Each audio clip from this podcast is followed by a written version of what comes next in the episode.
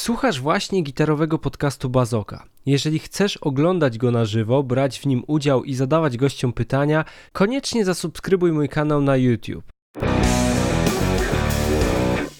I sytuacja wygląda tak, że dzisiaj mamy gościa specjalnego. Zaraz wam go przedstawię, ale na początku chciałem podziękować wszystkim patronom wspierającym, czyli osobom, dzięki którym te live'y się odbywają. To właśnie dzięki wam będę regularnie transmitował na żywo. Dlatego e, dzięki jeszcze raz za Wasze wsparcie. A dzisiejszym tematem rozmowy jest gitarowe audio voodoo, czyli sekrety producentów efektów gitarowych. I tak się właśnie składa, że jeden z takich producentów, znany można powiedzieć w całym świecie, bo sprzedaje efekty nie tylko w Polsce, ale przede wszystkim w sumie za granicą. Zaraz o tym Wam opowie. Adrian, kilka marek pod nim się ukrywa. E, o tym oczywiście Wam zaraz opowie. No i co? Myślę, że będziemy go witać napiszcie na czacie witamy Adriana, ja odpalam Discorda i pokazuję wam naszego dzisiejszego gościa. E, cyk, cyk. Jesteśmy już na wizji online. Chyba wszystko powinno być słychać, także cześć Adrian, witam cię serdecznie. Cześć, dobry wieczór.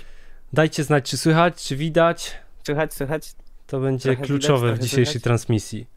Widać, nie widać? I czy proporcje się zgadzają? Czy nie jestem za głośno, za cicho?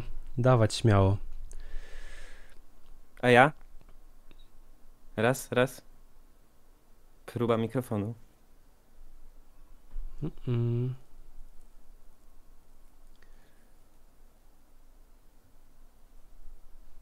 Jeszcze jakość sobie sprawdzimy naszej rozmowy. Czekaj sobie, ustawię.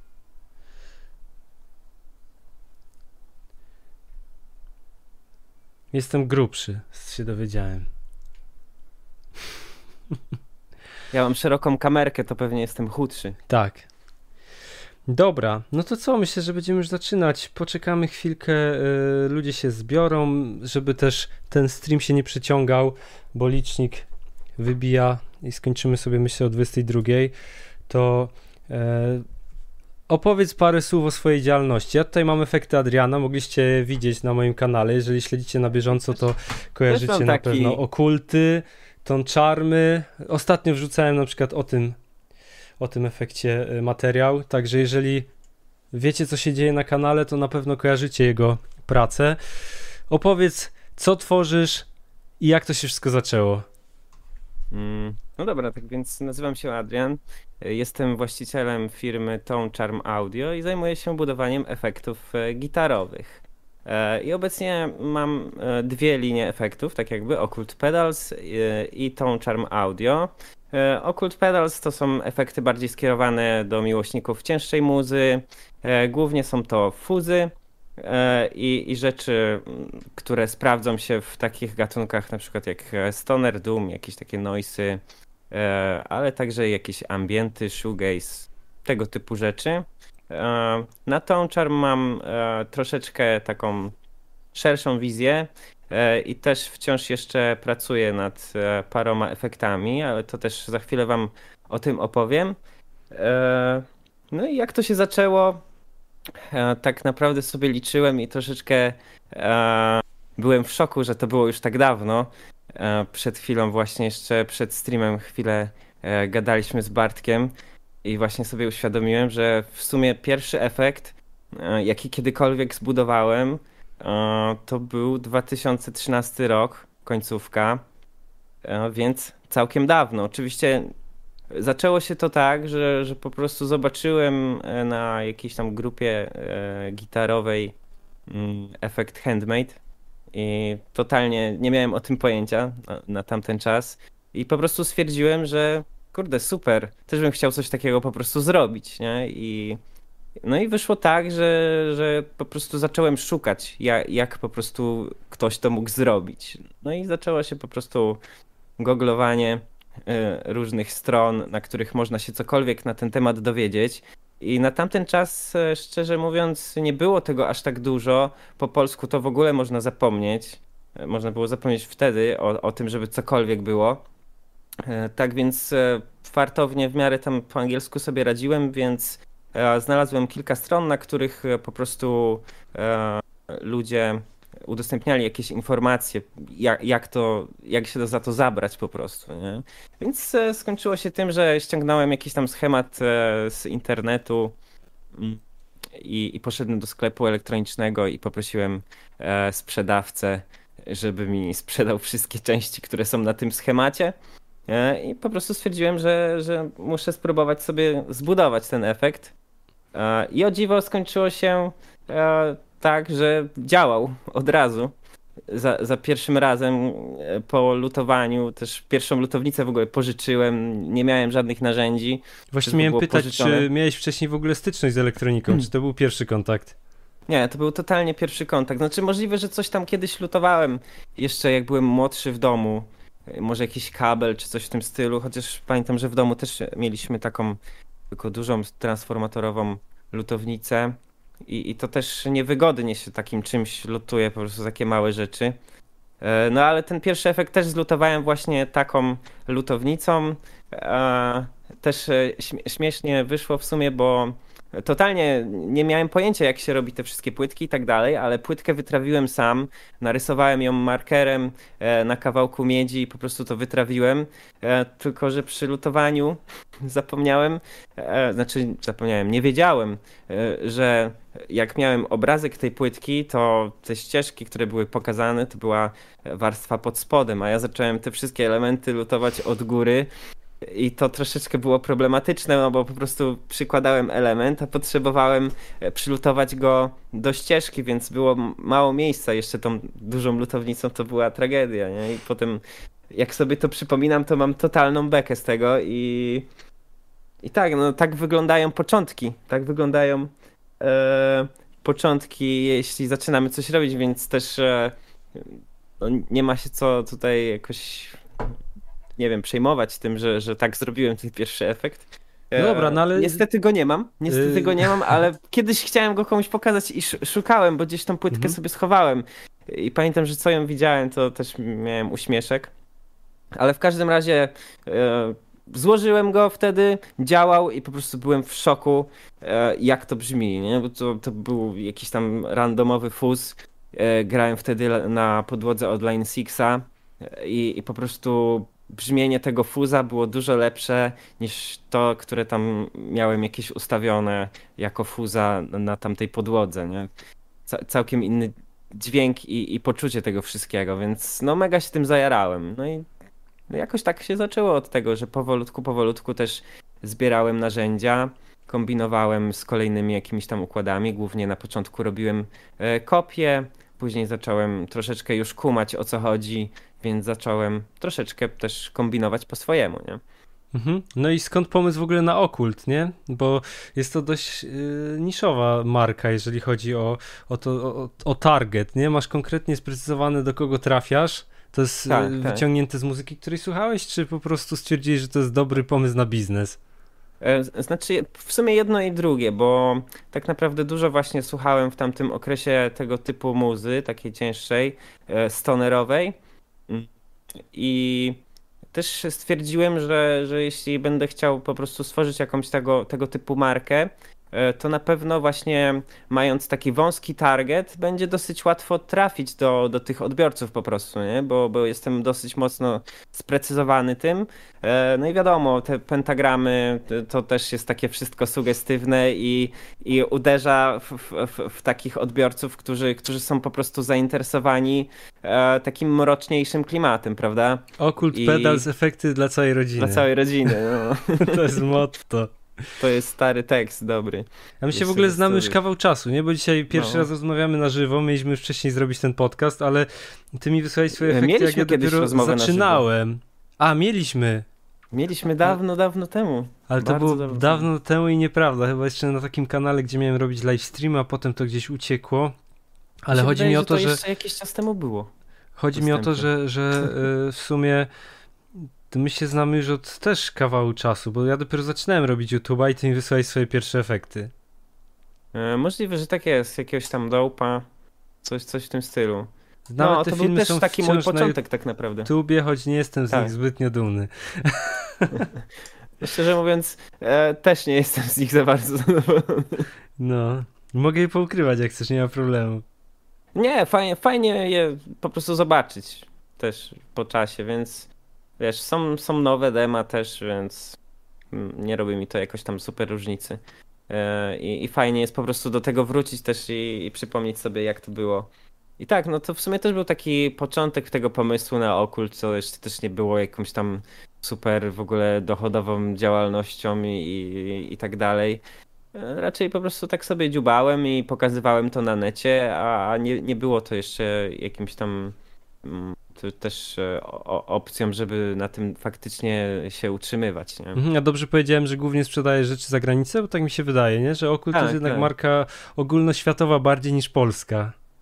Wiesz co, szczerze mówiąc, w ciągu ostatnich dwóch miesięcy to chyba miałem dwa zamówienia z Polski, czego jedno było anulowane, bo gościu stwierdził, że zmienia pracę i nie ma pieniędzy. Okej. Okay. I, I, dzień później dzień później napisał, czy mógłby prosić o zwrot. No mówię, no dobra, nie? I, i tak to właśnie było, a tak to no głównie wysyłam za granicę.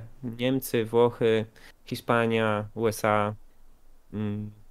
Także to, to są głównie w sumie te kraje. E, I, I myślę, że to jest kwestia też tego, że głównie dodaję content e, na, na wszystkie jakieś tam internety po angielsku. To ludzie też może, może nie za bardzo kumają, że jestem faktycznie z Polski i jakoś tak e, nie, nie interesują się tym. Może też kwestia tego, że w Polsce nie jest taka muza też popularna. Mm. Ale zacząłeś Chociaż, robić no, kanał po polsku. Tak, zacząłem robić, ale szczerze mówiąc, troszeczkę nie mam czasu, żeby to wszystko tak ogarniać i ten kanał taki jest. Na pewno coś tam będę dodawał, tylko na pewno nie tak jak na początku planowałem. Czyli, że tam co tydzień e, jakieś shorty do tego i tak dalej, bo, bo mimo wszystko jednak. E, e, wiadomo, że, że właśnie przez to, że mam okult już e, w miarę wypromowany, że tak powiem, e, i ktoś to tam ogląda, klika, kupuje, więc e, fokusuje się też bardziej na tym, nie? Że, że po prostu jakiś content, jak mam robić, to, to częściej decyduje się dodać coś, coś na okult, nie? Mhm. A, a jak po prostu mam więcej troszeczkę czasu, wiadomo, że poza tym internetem też robi się masę innych rzeczy, szczególnie, że wszystko robię tutaj sam. E, i, i proces e, powstawania takich efektów i, i robienia tego wszystkiego też nie jest taki hop o, o czym może opowiem później troszkę, tak bardziej e, dokładnie. Mm. Wiesz co, ja, ja ten Więc... kanał przytoczyłem, bo w sumie mam dużo pytań związanych właśnie z takimi rzeczami zakulisowymi, bo masz kanał Polski mhm. Efekciarz, wrzuciłem linka na, na czat i tak. głównie zajmujesz się tym, zapraszam, żeby zapraszam. odczarować trochę temat efektów gitarowych, nie? Zarówno tak, takich tak. mitów y, związanych, nie wiem, z unikatowością pewnych układów, ale też pokazujesz, jak robić swoje efekty. Dokładnie. I że to nie Dokładnie jest aż takie tak trudne, nie? Że, że jak ktoś naprawdę ma odrobinę samozaparcia i takiej smykałki, to bez problemu weźmie lutownicę, nawet kupi gotowy schemat, bo chyba nawet masz odcinek o gotowych schematach, nie? Mm, w sumie nie pamiętam, e, czy na polskim kanale mam, ale na pewno mam na angielskim. A, bo masz jeszcze jeden kanał o tym samym, tak, już, po angielsku. Już, tak, e, właśnie ten po angielsku nazywa się Tone Charm Audio, także jeśli ktoś chciałby zobaczyć, to, to też zapraszam. Tam jest dużo więcej filmików e, i, i dużo więcej tematów też poruszyłem. I po prostu niektóre filmiki na polskim efekciarzu e, przetłumaczyłem po prostu chyba z dwa. Mhm. E, po prostu dograłem e, voiceover po polsku. Mm, więc też możecie sobie zobaczyć. Czekaj, bo się pogubię w tak, tych linkach, czyli jest polski efekt. Właśnie widzisz, tak, właśnie widzisz, to jest to, że ja po prostu wymyśliłem tyle rzeczy, tyle bym chciał zrobić i teraz już nie wiem yy, na czym się bardziej sfokusować, nie? I mimo wszystko wiem, że po angielsku mam dużo większe grono odbiorców ale z drugiej strony chciałbym, żeby w Polsce też ktoś o tym mówił, nie? Więc to jest takie po prostu teraz za krótka doba, no. No tak, dla jednej osoby szczególnie. Ja sam, wiesz, pracuję w sumie na cały, na pełen etat na YouTubie i też mam za krótką dobę, to sobie tylko wyobrażam, jak ty jeszcze składasz efekty, myślisz nad no nowymi rzeczami, bo to nie jest tak, że po prostu sobie klepiesz jakieś gotowce, tylko trzeba się rozwijać, nie? Też na każdym polu. No pewnie. Także, Dokładnie tak y, jest. Kurczę, ale w ogóle podoba mi się ten koncept, bo rzeczywiście brakuje czegoś takiego na polskim YouTube. Ja chciałem coś mhm. takiego nagrywać właśnie we współpracy z różnymi markami, żeby pokazać, że to nie jest takie skomplikowane po pierwsze, a po drugie, żeby trochę odczarować to audio voodoo, nie? Czyli to te efekty za kilka tysięcy dolarów, jakieś tam unikatowe serie, to co gadaliśmy wczoraj na przykład o tym, hmm. o te, racie, tak? Dobrze pamiętam?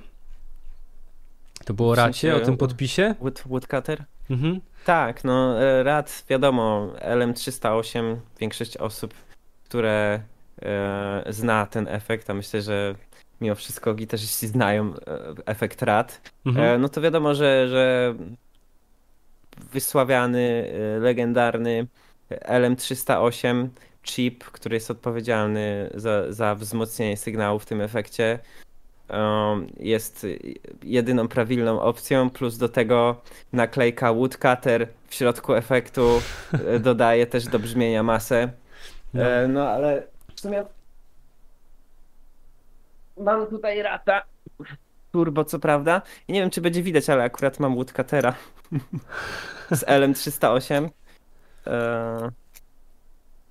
To jest... Kurde, nie widać. Na pewno nie będzie widać na kamerce. Rzucę foto na Instastory na Occult Pedals, także zapraszam też na, na Insta. Wrzucę to sobie, zobaczycie później. A dziękuję, jak mój sąsiad e, Paweł to ogląda, to pozdrawiam, bo to w sumie jego. Aha. Wiesz co, zmierzam do tego. W każdym razie chodzi o to. No, no, no, mów. E, chciałem mówić dalej o tym Woodcutterze, o co to chodziło. Mam powiedzieć, czy nie? Może zostawmy to na później, co? Takie ciekawostki ze świata efektów. Dobra, no to jeśli nie. zostaniecie do końca, to dowiecie się, jaka jest legenda związana z podpisem Woodcutter i LM308. A masz jeszcze jakieś takie inne mity fajne przygotowane? Coś tam, jakieś ciekawostki co, yy, ze świata efektów, co byś mógł sprzedać? Znaczy wiesz, jakoś super tam nie myślałem o tym, co powiedzieć, e, bo, bo na spontanie mogę wymienić kilka rzeczy, mhm. chociażby właśnie e, jakieś, e, tak jak sam wspomniałeś o tym, że, że jakieś wysławiane części, podzespoły i tak dalej, tak jak niektórzy ludzie właśnie porównują na przykład jednego rata z OP07, a drugiego z LM308, e, to tak naprawdę różnica w brzmieniu może wynikać e, głównie z tolerancji podzespołów. Tolerancja to jest coś takiego, e, po prostu producent produkując dany efekt określa jaka jest granica błędu wartości na przykład potencjometru. Nie? I w niektórych przypadkach jest to nawet 20%, więc może to zmienić dosyć dużo w brzmieniu, nie?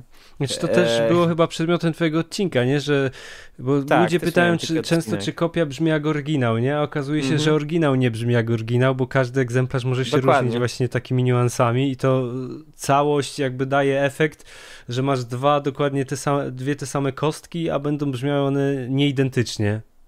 E, dokładnie właśnie tak jest e, i, i właśnie takie porównania też, e, też nie są za bardzo jakieś sensowne według mnie, bo no, by trzeba było tak naprawdę e, zbudować efekt, e, tak jak nie wiem, czy kojarzysz, nie wiem, czy widzowie kojarzą, ostatnio Earthquaker wydał taki efekt Hizumitas. To jest wariant Big Maffa po prostu. Mhm. Mm, I oni to zrobili jako kolaborację z zespołem Boris. No i po prostu gitarzystka z tego zespołu miała takiego starego e, Elk, to się chyba nazywało, czy e, Elk chyba. E, jakiś tam wariant Big Maffa stary.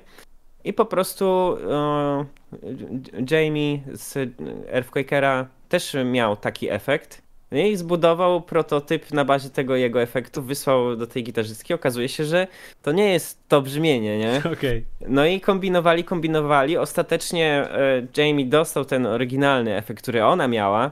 E, rozebrał ten efekt, e, zmierzył wszystkie wartości części i zbudowali po prostu jak najbardziej zbliżony do tego, co ona miała. Nie? I wtedy okazało się, że, że to brzmi praktycznie identycznie. E, no ale to było po prostu kwestia dopasowania tych wszystkich jakichś tam tolerancji i tak dalej. Plus dochodzi do tego, że niekiedy producenci na przykład, e, wiecie, jest jakiś tam efekt, e, robią powiedzmy ich tam, nie wiem, 10 tysięcy i nagle się okazuje, że stwierdzą, że nie, nie wiem, taniej kupią jakiś tam rezystor i po prostu zamienią trochę wartość, nie? Albo nie wiem, nie jest coś dostępne, więc podmienią tą część, nie?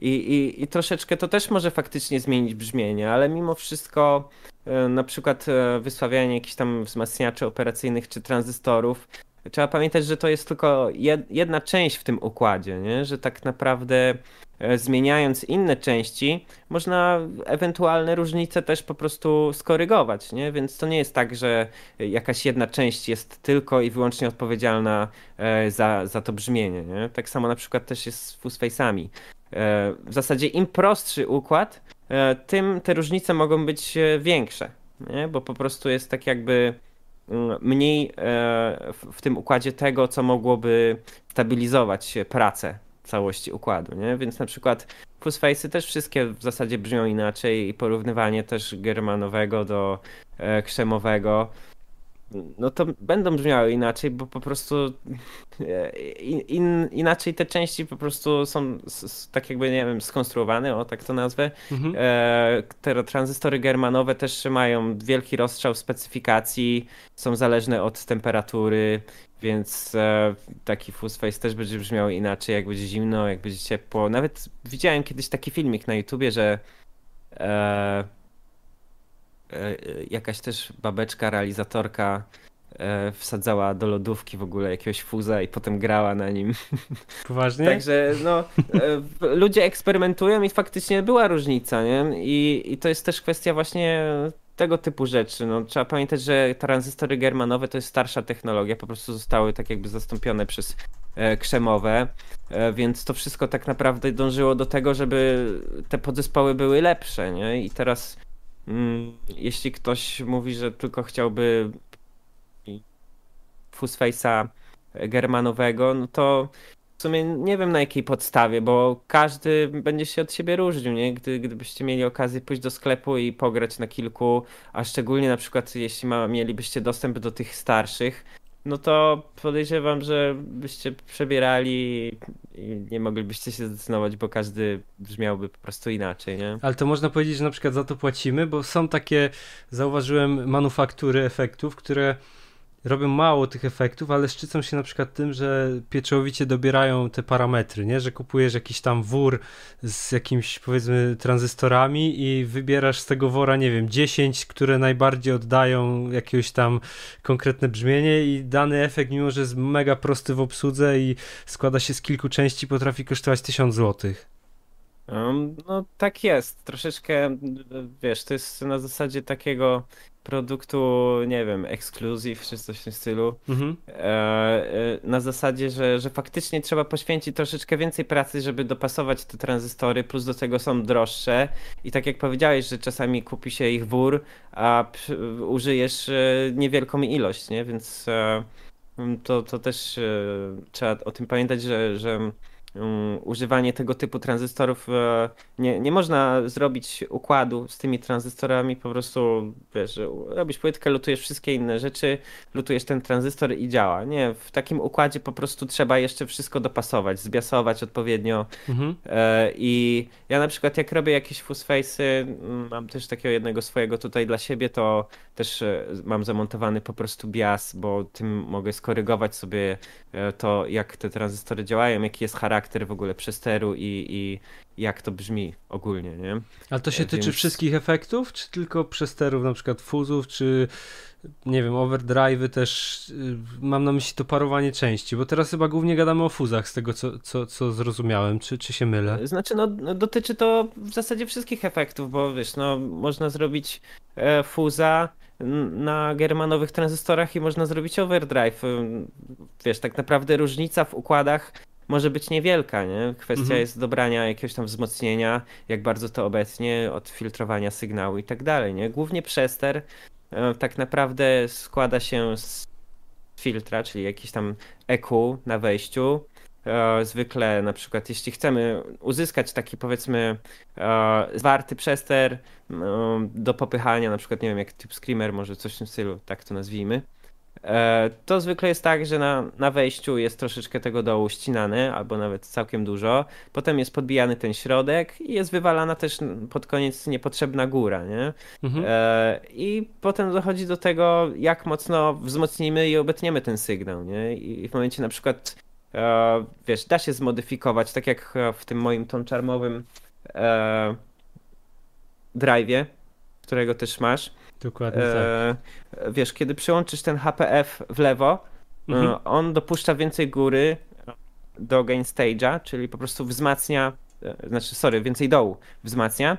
E, no i on zaczyna tak gruzować, nie? Robi mhm. się z tego fuzik taki bardziej. Gdybym jeszcze pozwolił więcej tego dołu, to faktycznie byłby taki grubaśny fuz, nie? I widzisz, to jest tak naprawdę kwestia tego obcięcia dołu na wejściu, więc e, jak dasz przełącznik na środek, to robi się z tego taki dużo lżejszy drive, szczególnie na gainie 1, nie?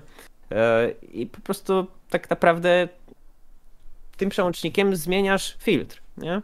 Jasne. Więc e, zmieniając filtr, e, zmieniasz tak naprawdę, czy ten przester będzie fuzował, będzie fuzem, czy będzie drive'em. Mhm, ale zastanawiam się, szczerze mówiąc, to jest jakieś miejsce na innowacyjność, na przykład w temacie przesterów, no bo hmm. wiadomo, ci producenci, każdy ma jakąś sw swoją propozycję e, efektu, często to są bardzo zbliżone do siebie konstrukcje mhm. i czy ta innowacyjność, nie wiem, polega na tym, że są zastosowane inne części, czy właśnie na tym, że są dokładnie, precyzyjnie dobierane, jak, jak w ogóle wymyślić coś innego, skoro jest tyle rzeczy na rynku i, i, nie wiem, czy, czy, można mówić o czymś takim jak research i development w temacie już w tym momencie analogowych efektów, na przykład przesterów?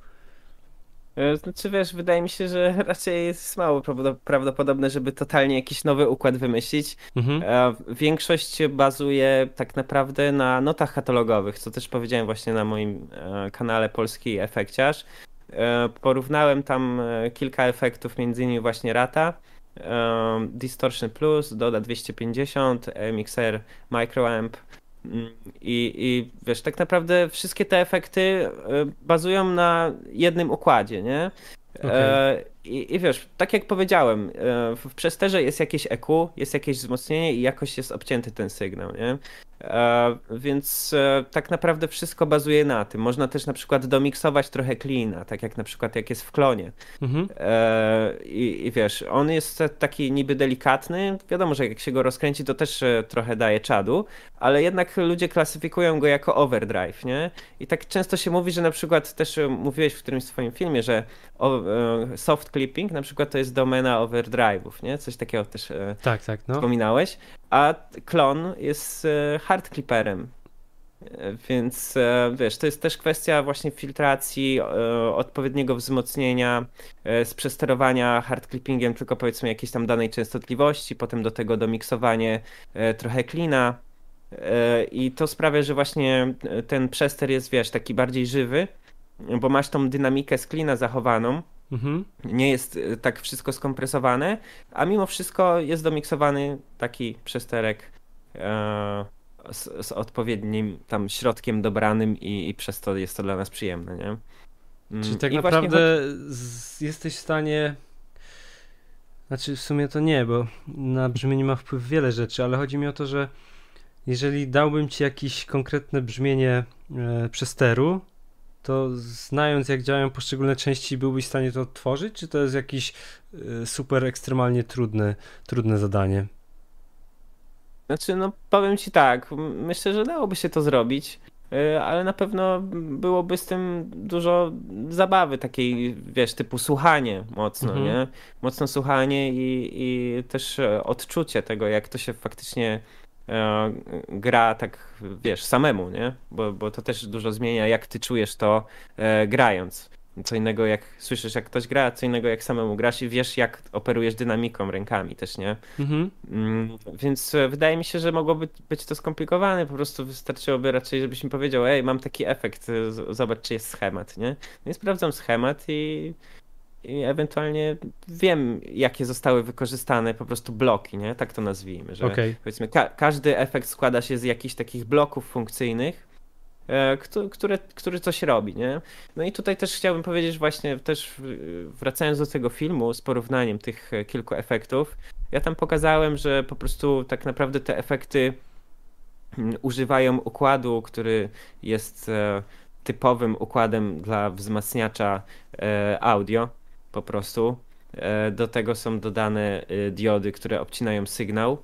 E, I w zasadzie no tam nic więcej nie ma, nie?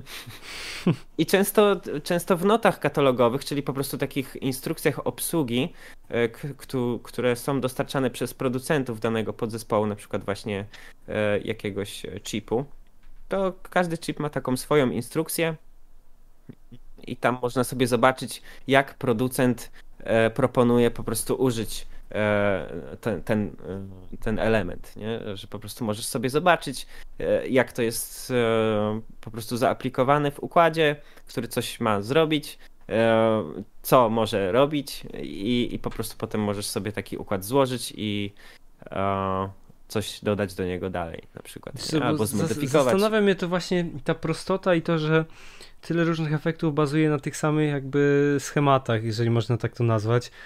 E, bo ludzie na przykład często mówią, że kopiowanie efektów jest złe, bo zabierasz komuś na przykład pracę i pomysł. No ale jakby się zastanowić, to z tego co mówisz, okazuje się, że wszyscy producenci od wszystkich kopiują i to jest absolutnie normalne, bo z tego co wiem, to chyba nie da się opatentować układu elektronicznego, prawda? No, nie da się, no właśnie, bo z tego względu, że większość to mimo wszystko są jakieś tam części not katalogowych albo po prostu e, podstawowych e, bloków, typu jakieś filtry, I, i, I, wiesz, po prostu no nie można tego opatentować. Opatentować można wygląd, e, jakąś tam nazwę, markę, jak to ogólnie jest prezentowane e, i tak dalej. Nie? Więc no, to, to nie jest tak, że jedni od drugich kradną i że na przykład jeśli ktoś wziął sobie jakiś tam schemat z internetu, powiedzmy jakiegoś efektu i coś tam pozmieniał, to nie znaczy też, że ten efekt wciąż jest tym efektem, nie? Mhm. Bo tak naprawdę e, wiesz, w niektórych miejscach układu wystarczy zmienić na przykład jeden rezystor czy jeden kondensator i ten efekt będzie totalnie inaczej brzmiał, nie? Okay. Na zasadzie, że zrobi się z niego totalnie coś dziwnego, nie? Tak jak no. ja na przykład tutaj e, też e, pokażę za chwilkę ale po prostu e, pracuję nad takim delayem e, i on będzie miał też e, przesterek w sobie, nie? I po prostu w momencie, kiedy przepinałem sobie rezystor w jednym miejscu, to nagle okazało się, że wjechały takie mega oscylacje, coś jak w Old Hagu mhm. i po prostu zrobił się z tego mega, mega ciekawe brzmienie się z tego zrobiło, nie? E, takie gliczowate właśnie troszeczkę jak w Old Hagu na mocnym feedbacku e, i wiesz, to jest kwestia tego, że po prostu jeden tranzystor, e, jeden rezystor został wyciągnięty i, i, i mega to dużo zmieniło, nie? W momencie, kiedy włożyłem go z powrotem, to zrobił się z tego leciutki overdrive, nie? Więc wiesz, jeden układ, jeden element i totalnie można zmienić, nie? Tak, wiesz, po prostu często jest tak, że producenci sprzedają e, jakiś tam efekt i nie nazywają tego na przykład, że jest bazowany na e, Big Mafie, powiedzmy, mhm. nie? I duzi producenci wiadomo, że tego nie potrzebują robić, ale mali producenci często e, tym tak jakby, wiesz, przyciągają do siebie ludzi, nie? Że typu, jeśli komuś podoba się Big Mac, to całkiem prawdopodobne, że może zainteresuje się tym, żeby kupić jakąś rozszerzoną powiedzmy wersję, nie? Albo jakąś taką Wiesz czego się spodziewać, nie? Po danym efekcie, że to nie mhm. jest takie promowanie tak. czegoś od zera, tylko masz taką bazę już skojarzeń, nie? Związanych z danym jakąś tam legendarną konstrukcją, tak jak są te klony i rozwinięcia Tube Screamera, OCD, właściwie każdy taki Pewnie. znany przester ma jakieś swoje wariacje i Pewnie. ludzie się z tym nie kryją, nie?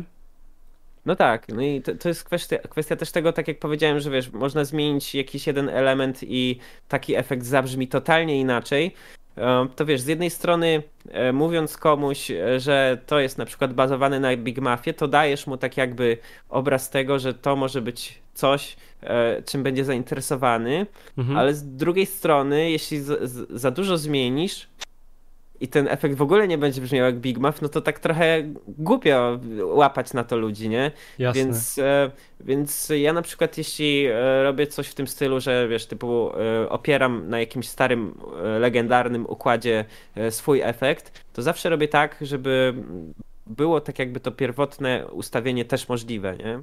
Aha, okej, okay. czyli masz jakieś faktycznie... tam opcje, mhm. ale jednak jest pewne ustawienie gałek, które daje ci brzmienie, nie wiem, tak. tego superfuza, tak? Dobrze Na kojarzę? Mhm. Z Fassbender, tak? Na tym bazuje. Mhm. Okej. Okay. No to jest bardzo ciekawe, ale to czemu, za co tak naprawdę płacimy w tych efektach gitarowych? No bo są firmy, które robią efekty za, nie mówię oczywiście o jakichś tam chińskich y, efektach robionych na masową skalę, ale jesteśmy w temacie powiedzmy manufaktur, nie? Czyli jeden bierze 300 zł za efekt, drugi bierze 2000 powiedzmy, no może przesadziłem, ale z 1000 zł spokojnie, nie? No i teraz tak naprawdę za co płacimy? Za marketing? Za jakieś szczęście, że ktoś dobrał yy, akurat dwa dane, jakieś tam podzespoły, które świetnie ze sobą sp się sparowały? Czy to da się jakoś badać?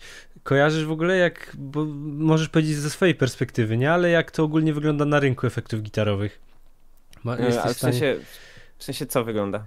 No, no, na przykład tworzenie nowych efektów i czemu jedne są Aha. droższe, drugie tańsze, tak w A, myślałem, że tam jakoś coś mówiłeś o jakimś badaniu, coś tam, myślałem, że coś do, te, do tego.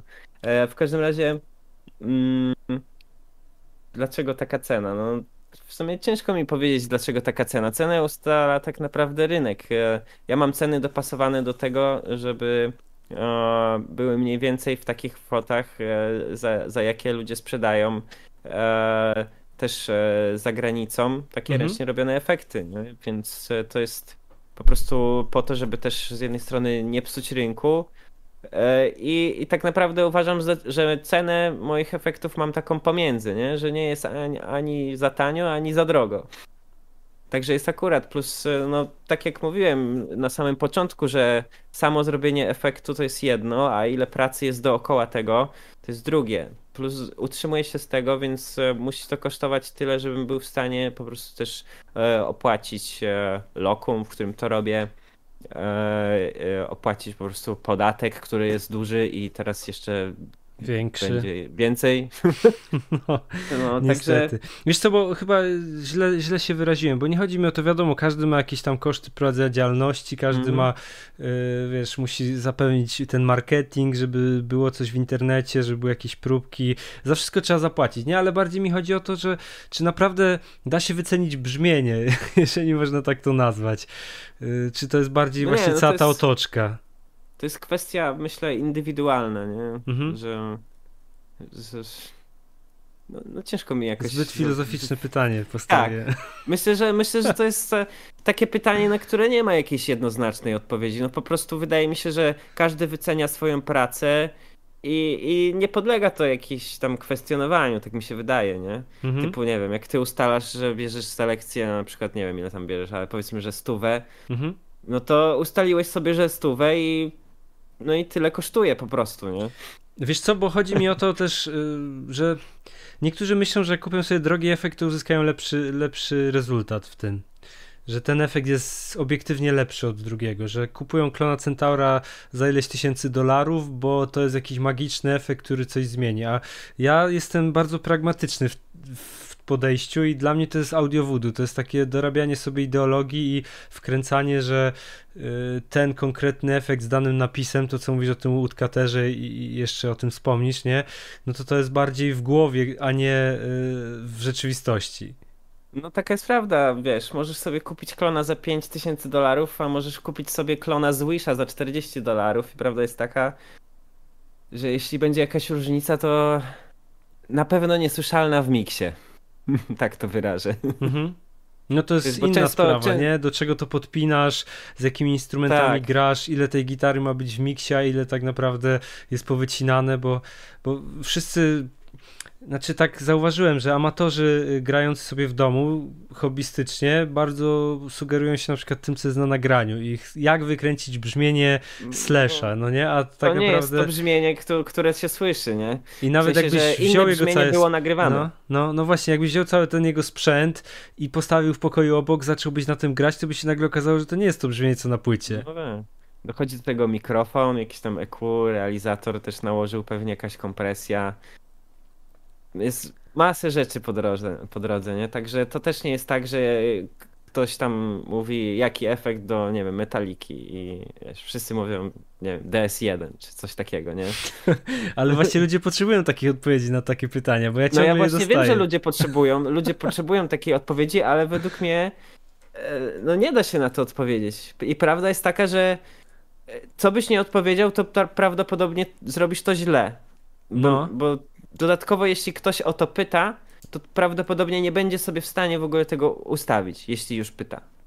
I wyobrazić, wiesz, że... Chodzi, chodzi to... mi o... No, no, no. Mów. Chodzi mi o to, że wiesz, jeśli ktoś już wie troszeczkę, jak to wszystko działa i jak, e, jakie są składowe na to finalne brzmienie, to wydaje mi się, że jest tak jakby świadomy troszeczkę używania tego sprzętu, nie? Więc on nie będzie pytał, jaki jest potrzebny przester, tylko weźmie jakikolwiek i sobie dopasuje jakimś EQ, e, czy, czy weźmie inną z gitarę z innymi przystawkami, słabszymi, mocniejszymi. E, I wiesz, na takiej zasadzie, nie? że ja jestem takiego zdania, że po prostu dużo można osiągnąć e, tym, że, że po prostu wiesz, co, co robisz, nie? Typu nie, że zmieniasz efekt, tylko wiesz, co na przykład możesz dać przed tym czy za tym efektem, żeby on zabrzmiał inaczej. Niekoniecznie musisz zmieniać po mhm. prostu setup, nie? Wiesz co, no ja robię tą serię y, brzmienia znanych gitarzystów i tam właśnie główną ideą jest to, żeby nie używać sprzętu, który oni używają. Mhm. Mhm. Wiadomo, no różne są opinie. Jedni mówią, że się zbliżyłem do danego brzmienia, inni mówią, że kompletnie to nie brzmi, ale mam wrażenie, że tak naprawdę brzmienie to przede wszystkim są umiejętności. I to nawet nie chodzi o granie na gitarze, bo też się mówi o tym brzmieniu z łapy, tak. o tym jak ktoś szarpie. To też ma wpływ oczywiście na, na, mhm. na, na, ostateczny efekt, ale właśnie taka świadomość kreacji brzmienia nie wynika z tego, jaki efekt podłączysz, tylko musisz wiedzieć, co daną gałką robisz i y, mieć taki, taką projekcję w głowie, co chcesz uzyskać, nie? Bo prawda Dokładnie. jest taka, przynajmniej tak zauważyłem, że gitarzyści, którzy mają swoje jakieś specyficzne brzmienie, to na każdym zestawie są w stanie je uzyskać. No tak, no po prostu wiedzą, co ustawić i, e, i, i tak dalej. W sensie, e, jakie użyć efekty, jakiego typu, jakie połączyć, e, czy, czy tak jak ludzie goglują standardowe połączenie po, po drodze efektów, czy może jednak odwrotnie i tak dalej. Więc to, to kwestia jest właśnie takich kombinacji. Nie? Mam wrażenie, że ludzie po prostu szukają gotowej odpowiedzi, dostają ją, podpinają i są niezadowoleni. Nie? Mhm. Typu nic więcej nie robią pomiędzy. E, brakuje trochę takiego, wiesz, kombinowania, jakby takiej ciekawości, na przykład, nie wiem, co się stanie, kiedy zrobię to, kiedy zamienię te efekty, kiedy dodam ten efekt e, do, do po prostu do toru sygnałowego. I wiesz, wydaje mi się, że taką najlepszą e, e regułą, jak osiągnąć jakieś brzmienie, to jest po prostu bawić się tym brzmieniem, nie? I, i testować e, różne po prostu setupy. Za to bardzo lubię sprzęt analogowy. Wiesz czemu? Bo masz ograniczoną liczbę możliwości, bo w takiej dobie procesorów gitarowych i wtyczek masz tyle parametrów do kręcenia, że tak. tak. naprawdę nie wiadomo za co się złapać. A jak masz jeden wzmacniacz, jedno czy dwukanałowy, jeden przester, to jesteś w stanie dużo więcej z tego uzyskać niż z jakiejś wtyczki, która ma 20 efektów na pokładzie. Tak mi się wydaje osobiście. Masz rację, że na pewno jest e, łatwiej ustawić wszystko, jeśli masz troszeczkę mniej opcji. Co, co prawda, niekiedy może się okazać, że właśnie jakiejś tam ci brakuje, na przykład, -hmm. nie? E, ale jeśli chodzi o efekty analogowe i wiadomo, masz jakiś tam pedalboard złożony, e, to na pewno jeśli chcesz e, pokręcić troszeczkę gałeczkami, to na pewno jest zrobić to łatwiej niż w jakimś cyfrowym efekcie, który wiesz, jest po prostu taki skompresowany, ma tylko kilka gałeczek i trzeba się wszystkim przeklikiwać w menu, nie? Na przykład. To jest na pewno też uciążliwe i może się okazać, że zanim to znajdziesz, to już ci się odechce w ogóle, albo zapomnisz, co chciałeś zrobić, albo już percepcja cię oszuka po tak. prostu, nie? Na, Także... na pewno y, dobrze znać narzędzia, którymi się posługujesz, nie? Tak samo jak masz gitarę, to chcesz umieć na niej grać, tak samo jak masz efekt, to chcesz wiedzieć, jakie brzmienie jak da się użyć. z jego pomocą uzyskać, żeby potem ewentualnie go zastosować w tym łańcuchu sygnałowym. Ale to, co mówisz, y, ta percepcja, nie? Ja na przykład, jak kręcę te brzmienia znanych gitarzystów, to zawsze mam jakiś track referencyjny, bo to często jest tak, że coś się y, wydaje, że jest wow, ale blisko, ale po pół godzinie kręcenia suwakami w EQ nagle się okazuje, że po prostu nam się wydaje, że jest blisko, jesteśmy daleko jak nigdy wcześniej. E, no tak, ale to też wiesz, e, każdy też słyszy nieco inaczej na pewno. E, to, że każdy ma inny sprzęt, to już pomijam, bo też masz faktycznie reference track, no to starasz się mimo wszystko jakoś dopasować to brzmienie, mhm. ale mimo wszystko, wiesz, nie masz tak jakby czystego śladu, nie? Gitary, w większości przypadków na pewno. E, więc coś możecie oszukać mimo wszystko, nie? Takie mam wrażenie, że wiesz, że trochę gdzieś tam bas się, się kamufluje z tą gitarą, jakiś, nie, nie wiem, e, może klawisz czy coś w tym stylu, jakiś syntezator, wiesz, po prostu te brzmienie w miksie e, nie da się tak naprawdę, nie wiem, określić dokładnych częstotliwości, jak to na przykład gra. Wiadomo, że na przykład charakter przesteru, czy nie wiem, że tam jest nałożony na jakimś Van Halenie flanger, czy, czy coś tam, phaser, to, to po prostu wiadomo, że możesz to dopasować, mm, ale na przykład często jest też tak, że wiesz, brzmienia, które się ustawi w domu, okazuje się, że wcale nie będą dobrze działać w miksie, nie? Mhm. I w sensie, że wiesz, że brzmienia, które podobają się nam, jak sami gramy, najczęściej całym będzie będą sprawiały problem. Przede wszystkim na pewno będzie pewnie podejrzewam, że najwięcej problemu będzie z dołem, że będzie go za dużo, E, i po prostu będzie się robił bajzel, nie? I właśnie w momencie, kiedy i tak ty kręcisz to brzmienie, to na przykład ktoś może uznać, że ono jest na przykład za płaskie, nie? Typu jak słucha sobie w miksie, to słyszy, że ta gitara jest, wiesz, po prostu taka potężna, mhm. a na przykład jest sytuacja, w której bas tam, wiesz, po prostu podąża za tą gitarą, nie? Że, że grają te same Masz dźwięki. pełny obraz dwóch instrumentów. Tak i masz pełny obraz tych dwóch instrumentów i to brzmi potężnie, nie? W momencie, kiedy ty odejmiesz ten bas, okazuje się, że ta gitara jest, wiesz, taka cieniutka, licha i, i sama w sumie nie brzmi ciekawie. I może dlatego e, ludzie komentują właśnie w, w, tym stylu, że, że wiesz, typu, no nie podoba mi się. No bo usłyszeli to brzmienie, powiedzmy, wiesz, które ty gdzieś tam odnalazłeś no wiesz, ale chodzi mi o to, że. Dają je z miksu, nie? Tak, tak, ale chodzi mi o to właśnie, że to fajnie, żeby wybrzmiało, ile tak naprawdę czynników ma wpływ na to wszystko. Mhm. No i to, że tak naprawdę. Czy to jest takie ważne na sam koniec? czy tam masz odrobinę więcej jakiejś konkretnej częstotliwości, że mam no, wrażenie, że ludzie nie. w internecie teraz szukają takich prostych odpowiedzi na trudne tak, pytania tak, tak. I, i, i to jest taki trochę temat zastępczy, jeżeli chodzi o, o na przykład kreację swojego brzmienia. Tak, w sensie wiesz, e, no wydaje mi się, że widzisz to też na swoim kanale, że ludzie oczekują, wiesz, e, tak jak powiedziałeś, prostej odpowiedzi na trudne pytania, ale też tak jakby drogi na skróty, że co mhm. chodzi że typu nie chce im się poświęcać czasu na uczenie czegoś, chcieli być, by mieć już to teraz, nie? Tak. I typu chcę brzmieć tak, ale żeby dowiedzieć się, jak takie brzmienie ukręcić, to już nie. nie chcę wiedzieć, nie? I typu. E, Takie troszkę jest mentalność presetowa, żeby mieć gotowe ustawienie tak, wszystkiego. Że fajnie, gdyby było już gotowe i, i tyle, nie? No i na pewno to się jakoś tam sprawdza, jeśli ktoś gra na wtyczkach to, to pewnie jest ok, nie? Ale na przykład jeśli ktoś tam jakiś multi-efekt podpina do pieca, to i tak tam zawsze coś trzeba pokręcić, nie? Plus jeśli zechce nagrać to mikrofonem, no to też robią się już schody, nie? Także jeśli ktoś chce tak faktycznie łatwo uzyskać dobre brzmienie, to wydaje mi się, że najlepszą opcją do tego chyba jest interfejs, prosto gitara w interfejs i jakieś tam Wtyczki symulacje, nie? i presety gotowe, nie? Z tam faktycznie już, już te brzmienia mogą troszeczkę tam zabrzmieć podobnie, nie? E, e, jak te, które tam opisują, że niby są inspirowane, nie? Mhm. A jeśli chodzi o jakieś takie, wiesz, że ktoś sobie stwierdza, że chce brzmieć jak ktoś tam i kupuje cały gear e, full stack Marshalla, mikrofony jakieś, wiesz, i, i nagrywa to i nie brzmi, no no, prawdopodobnie jeśli ktoś to tak z marszu zrobił, no to na, na 100% nie nagra tego tak, bo po prostu jest du dużo czynników, nie? Samo ustawienie mikrofonu, ustawienie pieca, e, jak blisko mikrofon. Bo ty oprócz tego, że jesteś producentem efektów gitarowych, masz jeszcze wykształcenie w kierunku realizacji e, dźwięku, no nie? Tak, Dobrze ja pamiętam? jestem po realizacji dźwięku, ale nie, nie pracuję w sumie w zawodzie. A przydaje ci się ta wiedza, którą poznałeś na studiach, czy nie? Część tak, część nie. E, wiesz, ja byłem na, e, w szkole, w której dużo też było, duże było nastawienie na taką kwestię e, kształcenia słuchu, jakiś tam śpiew, chór i tak dalej, nie? I troszeczkę w momencie, kiedy ja tą uczelnię kończyłem, to, to kadra z realizacji nie była aż taka super, mhm. więc dużo uczyliśmy się też sami i tak naprawdę dwóch wykładowców, może było dwóch, trzech, e, którzy faktycznie jakąś wiedzę przekazywali. E, I no dużo też z praktyki jakieś tam wyszło, nie? bo pojeździłem na jakieś tam e, właśnie koncerty, też trasy koncertowe i, troszeczkę się nauczyłem tak w biegu.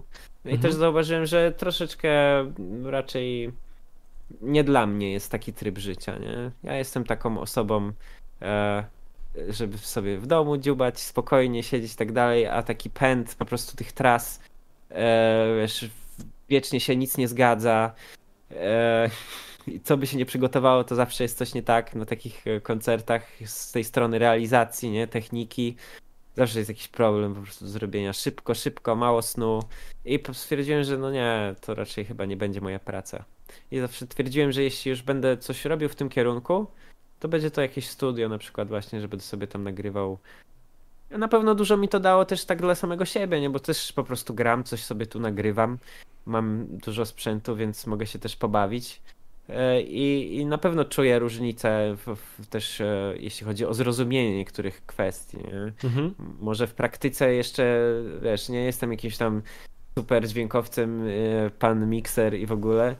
E, Ale wiesz, typu wiem na co zwrócić uwagę i, i po prostu jakoś tak e, sukcesywnie czuję, że, że kolejne jakieś nagrania, na przykład miksy i tak dalej, mm, że są coraz fajniejsze i, i są przede wszystkim takie, że jestem z nich zadowolony i że jest tak, jak chciałem, żeby było, nie? Na takiej zasadzie.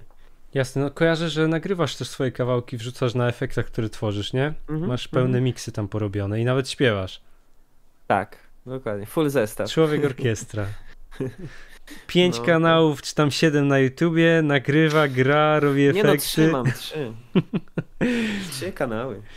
Tutaj y, patrzę, co O efektach piszecie na trzy. czacie. Śmiało piszcie, jak macie jakieś pytania, to tam będę je przemycał w międzyczasie. Tutaj na ja przykład nie Krzysztof patrzyłem w ogóle. To dobrze, ja będę tutaj moderował. Krzysztof napisał, że dlatego najlepiej zalać cały układ elektroniki, jak to zrobiono w Clone Centaur, wtedy nikt nas nie skopiuje. No ale obawiam się, że właśnie ten jest jeden z najczęściej kopiowanych układów, no nie? No. No teraz tak, dosyć duży hype był przez, przez pewien czas. Dalej jest w sumie. Patrz, co tutaj piszecie. No, zalewają. y, Właśnie jest taka substancja, którą można zalać. e, I w momencie, kiedy oderwiesz tą substancję, to oderwą się też na przykład razem z tym różne tam napisy, oznaczenia, Mhm. więc no, tak czy siak wciąż można to pomierzyć wszystko, nie? Ale no jest na pewno utrudniona praca takiego kogoś, kto to rozbiera i e, trace'uje, nie? czyli sprawdza te połączenia wszystkie i tak dalej, nie? Jasne. Jeszcze miałem takie jedno pytanie od patrona, czy, ale to y, chyba na grubszy wątek, czy jak kupisz sobie kit, na przykład jakiegoś efektu Tube Screamer, to jak go złożysz, to on będzie brzmiał jak Tube Screamer, czy nie? No myślę, że już powiedzieliśmy o tym wcześniej. Aha, ale chodzi mi o to, czy są te różnice, nie? Ale mm, bo teraz tak naprawdę ciężko nawet powiedzieć, co to znaczy brzmienie Tube Screamera, w sensie, że masz nawet samego Tube Screamera masz milion wariantów. No tak. Yy, I zastanawiam się, To jest kwestia też, p- e, jakiego wariantu użył producent, nie? no W tak, sensie, jakiego wariantu schematu po prostu. bo chodzi mi o to, że kurczę, jakby to, to powiedzieć. Bo właśnie tych różnych typów efektów gitarowych jest wiadomo y, kilkadziesiąt pewnie, ale w każdym tym typie jest również kilkadziesiąt różnych wariantów i nawet jak sobie wejdziecie i y, będziecie chcieli kupić Tube Screamera, to macie różne warianty Tube Screamera robione przez różne firmy. Niektóre firmy robią na wzór i coś tam modyfikują u siebie, więc takie pytania, czy będzie brzmiało tak samo, to nie da się na nie tak naprawdę odpowiedzieć, bo tak samo w stosunku do czego, Dobrze, no nie? Znaczy, no to tak jak powiedzieliśmy, nie? Że, że mogą brzmieć po prostu dwa takie same oryginały inaczej też, nie? Kwestia tych tolerancji. On będzie tak brzmiał, tylko po prostu na przykład e, może mieć delikatnie mniej lub więcej gainu, może troszeczkę inaczej filtrować sygnał delikatnie. Wiesz co, bo E, mi się ale wydaje, że, jeśli że w chodzi o pytaniu... sam charakter, no, myślę, no. że będzie mocno, mocno zbliżony, nie? Że to mi nie się jest tak, że te efekty e, totalnie się od siebie różnią, nie? Mi się To wydaje, że będzie za- zazwyczaj w różnica. takich pytaniach im chodzi o jakość brzmienia. Czy na przykład, nie wiem, ten przester y, kupiony kit za 100 zł będzie brzmiał równie dobrze, może troszkę inaczej. Szczerze Jesteś mówiąc, w ogóle w tym coś... kicie prawdopodobnie będą lepsze części niż w oryginale. Poważnie? No. Ale masz na myśli te, które kreują Jakościowo. brzmienie, czy chodzi ci o wtyki, na przykład takie rzeczy, które są pewnie troszkę mniej istotne? E, znaczy akurat powiem ci szczerze, że wtyki są bardzo istotne, Okej? e, bo tak samo potencjometry, bo te najtańsze na przykład e, zdarzyło mi się kupić kit z potencjometrami tanimi, Mhm. e, kiedyś tam dawno temu i no one są takie, że jak chcesz je mocniej przykręcić, no to mogą się rozpaść po prostu, nie? I tak Okej. samo jest z gniazdami. Akurat te części naprawdę trzeba zwrócić uwagę na to, żeby one e, były dobrej jakości, żeby po prostu się nie rozpadały też, nie? A jeśli chodzi o części na płytce, em, no to nie ma się o co oszukiwać w starych efektach. Nikt tam e, nie myślał o tym, żeby dać jak najlepsze podzespoły, tylko jak najtańsze, no taka jest prawda. Chodzi mi tutaj o te efekty już budowane tak fabrycznie pierwsze, nie? Czyli jakieś tam bossy, właśnie Ibanez, Maxon, e, tego typu rzeczy, nie? Oni po prostu kupili to, co było i tyle, nie? Jasne. No, taka jest prawda, no. Może to nie brzmi jakoś satysfakcjonująco, ale, ale no oni sprzedawali produkt, nie? Dużo starych bossów na przykład szumi, nie? I są mody, że, że tam się wymienia jakieś części na lepsze po prostu i mniej szumią, nie? Jasne. I wiesz, jakieś tam lepsze kondensatory. E, Wiesz co, czy- bo tak cały czas zastanawiam się nad tym, nad tym lepsze, gorsze brzmienie, nad tym droższe, tańsze, nad takimi określeniami, bo przyznam szczerze, że rzeczywiście tak czasami jest, że jak mam różne efekty od różnych producentów, na przykład wariacje na temat Tube Screamera, to jedne mi się podobają bardziej, inne mi się podobają mniej, inne wydają mi się, że brzmią bardziej żywo, inne są jakieś takie płaskie, e, wiesz, że mam jakieś odczucia, jak bawię się danym efektem, no nie? Mhm. Ale myślisz, że to bardziej wynika z tego, czy ktoś zastosował lepsze, gorsze części, czy to bardziej wynika z tego, że po prostu mnie się coś bardziej podoba? Czy da się w ogóle E, wiesz powiedzieć, co? że coś jest lepsze od innego? Ja- Jak byś do tego... Znaczy ja ogólnie no. odnosząc się, do, że, że coś jest lepsze od innego, to wydaje mi się, że to nie jest tak, że coś jest lepsze czy gorsze, tylko w sensie możemy mieć wrażenie, że dla nas jest w tym Okej. momencie lepsze. Takie, takie Bo, mam. bo ja cały czas wokół e, tego nie? głupie pytania zadaję czasami. Ale nie, e, czekaj, czekaj, bo No. jeszcze chciałem tutaj wspomnieć o tym, e, że grasz na różnych wariacjach, wiesz, ciekawe też na ile to jest wariacja, która coś zmienia, a która dodaje na przykład, nie wiem, pstryczek jeden, który w większości przypadków zachowuje e, brzmienie oryginału, ale na przykład, nie wiem, zmienia tam jakieś diody czy, czy coś w tym stylu. Mm, A czy może ktoś e, totalnie rozbudował ten układ i, i faktycznie na przykład e, dorobił jakieś rzeczy, które sprawiają, że nie wiem, właśnie masz wrażenie, że jest żywsze to brzmienie, coś w tym stylu, nie? To właśnie jest kwestia tego, to co mówiłem, że, że, że mniejsi producenci właśnie powołują się na, na to, że wiesz, na przykład ten efekt został zainspirowany Tube Screamerem, ale z jednej strony to jest taki bardziej haczyk, nie? Że typu on wie, że on zrobił fajnie ten efekt e, i faktycznie skorzystał z tego schematu Tube Screamera na początku, Hmm, ale ostatecznie tak go pozmieniał, że w sumie to nie brzmi jak ten pierwotny efekt, ale zastosował właśnie takie, taki, taki haczyk, powiedzmy, że żeby zainteresować do sprawdzenia kogoś, kto jest zainteresowany Tube Screamerem, nie? Tak mi się Jasne. wydaje, że wiesz, to jest taki skomplikowany temat, każdy podchodzi do tego inaczej, każdy producent, wiesz. E, Każdy to jakoś tam nazywa sobie to po swojemu, nie? Że tak powiem. Wiesz co, Jedni się- robią faktycznie kopie. Niestety też jest tak, że można odczuć różnicę na pewno w Tube Screamerze tak jest, bo wydaje mi się, że w oryginalnym Tube Screamerze e, wiesz, po prostu potencjometry też mają e, tak jakby e, s, s, s, swój zakres e, działania w odpowiednich ustawieniach, nie? Na zasadzie to się nazywa taper, że, że po prostu wiesz, jest na przykład logarytmiczny, liniowy, Okej. czyli że na przykład rezystancja zmienia się e, równo na przykład z kręceniem gałki, czy na przykład do połowy robi mniej, a od połowy więcej na przykład, nie? I wydaje mi się, że w Tube Screamerze e, któryś tam potencjometr, albo ton, albo gain był z takim taperem dosyć e, W, on się chyba nazywał, że on jest taki mm, dziwnie skokowy, jakby nie wiem jak to dokładnie odpisać, też nie pamiętam jak on wyglądał. Raczej są rzadkie takie e, sorki, muszę podłączyć sobie laptopa tutaj Mhm. odpiąłem. E, Raczej y, ciężko jest też dostać takie potencjometry i większość albo korzysta z liniowych, logarytmicznych, albo odwróconych logarytmicznych. Okay. To może też spowodować to, że wiesz, w niektórych ustawieniach gałki może być różnica, nie? Właśnie z tego względu, że ten taper jest po prostu inny, nie? Więc po prostu będziesz musiał troszeczkę na przykład dalej przesunąć, żeby osiągnąć to samo, co w innym efekcie, nie? Czaję. Także to tu, tu też na przykład jeśli chodzi o takie porównywanie gałka w gałkę, ustawienie, to, to właśnie też się tyczy tego, że to nie zawsze musi się zgadać, nie? I, I to nie znaczy, że jeśli ustawisz tak samo gałki na dwóch różnych efektach, E, i nie brzmi tak samo, to nie znaczy, że wciąż nie możesz osiągnąć tego brzmienia delikatnie ruszając tą gałką, nie? Do tego dochodzi do tego to, jak ktoś tą gałkę założył, bo e, wiesz, po prostu można ją przykręcić tak, że e, troszeczkę bardziej będzie wskazywać tu albo tu, więc potem ustawienie do innego efektu, no to, to, nie ma sensu, nie? Po prostu. No jasne. nie, bo cały czas mi się y, tak kojarzy w głowie i jak ludzie zadają takie pytanie, to mam wrażenie, może sobie to dopowiadam, ale, ale takie właśnie odnoszę wrażenie, że jest taka konotacja z tanimi efektami, że na przykład jak kupisz sobie efekt Joyo za stówkę, to to nie ma prawa brzmieć jak Ibanez Tube Screamer za 700 złotych. I zastanawiam no, się, czy jest w ogóle w tym jakieś ziarno prawdy, czy to jest po prostu marketing, takie dorabianie sobie ideologii do droższych efektów. Mm. Nie wiem, jakie jest twoje zdanie na ten temat. No, moje zdanie jest takie, że można osiągnąć super brzmienia nawet na tanich efektach. I to jest też kwestia tego, żeby wiedzieć, co robisz, nie? Mhm. I, i, I to, że jest to tani efekt, to, to, wiesz, to nie znaczy, że on nie zabrzmi dobrze, nie?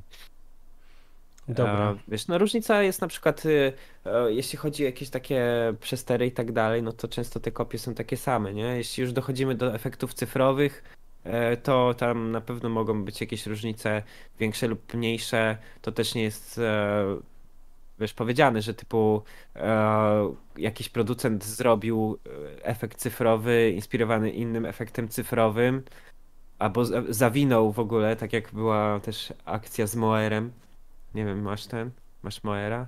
Nie mam, ale kojarzę, że chyba od TC Electronic, tak? Coś było? Z, e, z Electroharmonix A, mieli przypał, bo z, z, zgrali po prostu kod z Poga i zrobili oktawer. A z tego co kojarzę, kod jest do patentowania, nie? Algorytmy konkretne. Tak, tak. I właśnie oni skopiowali ten kod ra razem z notą licencyjną Electroharmonix i wgrali na swój efekt. Okej. Okay. No i przegrali w sądzie, bo jak potem to sprawdzili, to na efekcie Muera było, wiesz, Electroharmonix Czyli to wręcz było takie wpisane, bezmyślne nie? skopiowanie. No, no tak. Nie postarali się o to, żeby to ukryć. Bo jeśli chodzi o jakiś układ, e, powiedzmy jest jakiś tam e, cyfrowy efekt, nie?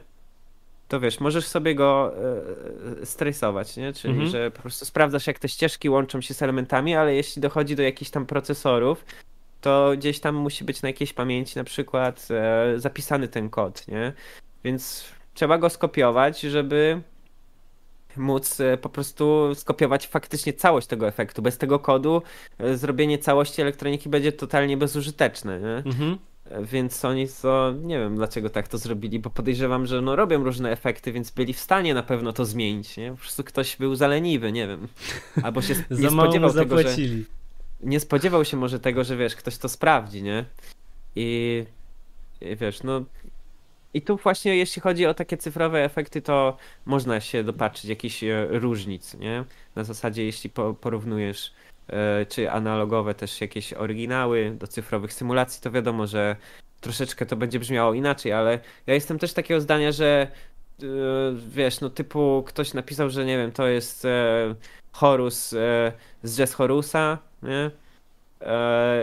I tak jak w tych nowych Universal Audio, tak? Ja mhm. to widziałem. Tak, tak. To tam był e... właśnie ten C1, y, niby tak, ale algorytm. To brzmiało inaczej, brzmiało inaczej i, i znaczy z tego co pamiętam.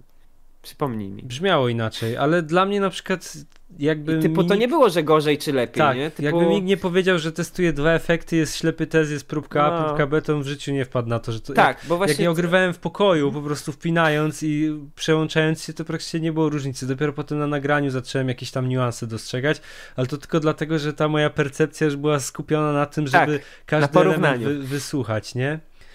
I to bez Właśnie miksu oczywiście. Tak, właśnie o to chodzi. Jeśli dochodzi do momentu, kiedy ktoś każe ci coś porównać, to ty się decydujesz, co ci się bardziej podoba, Tak, nie? Ale typu, tak. jeśli masz jedno, to podoba ci się to na przykład, nie? I, I wiesz, ale jeśli ktoś każe ci zadecydować, to wtedy się zastanawiasz. Tak. I to, to, to, to, to je- ta jego sugestia, żeby porównać, e, może ci nasunąć też to, że on ci sugeruje, że jednak to, co on ci drugie pokazuje, to jest lepsze, więc może ty powinieneś się na tym skupić, wiesz. Albo w ogóle, że słuchasz- któreś jest lepsze, bo skoro masz wybrać, no to któreś musi być i za punkt honoru właśnie. sobie dajesz to, Tak. że musisz znaleźć ten lepszy, droższy na przykład y, efekt. Tak, ja na przykład e, nie lubię takich porównań, wiesz. No, czasami sobie obejrzę, ale to tak dla ciekawostki. Nie mam potem takich spolaryzowanych mocno poglądów, nie? Typu, Ja je że- robię tylko dla o, wyświetleń. No ja domyślam się, bo widziałem to, ale... To są, to są Ale- materiały, które po prostu są gorące, Tak, no nie? Mimo, na że tak naprawdę to nie ma wpływu na nic, bo jeżeli umiesz grać na Totalnie. gitarze, umiesz kręcić, to nie w ogóle nie przejmujesz się tym. Bardziej to jest kwestia też wygody, nie? Że jak masz cyfrowy efekt, że ma trzy w pewnie. sobie, to, to nie musisz mieć trzech kostek obok siebie. No to na pewno, jeśli ktoś, wiesz, ma jakieś brzmienie ustalone, wie, wie jak to ustawić i tak dalej i typu gra jakieś szybkie e, joby, gigi, e, gdzie też potrzebuje, wiesz, mieć jak najmniej sprzętu, mało wożenia, e, no to oczywiście efekty cyfrowe jak najbardziej są w ogóle total sztos, nie? Dla takich rozwiązań. A, ale jeśli, nie wiem, ktoś...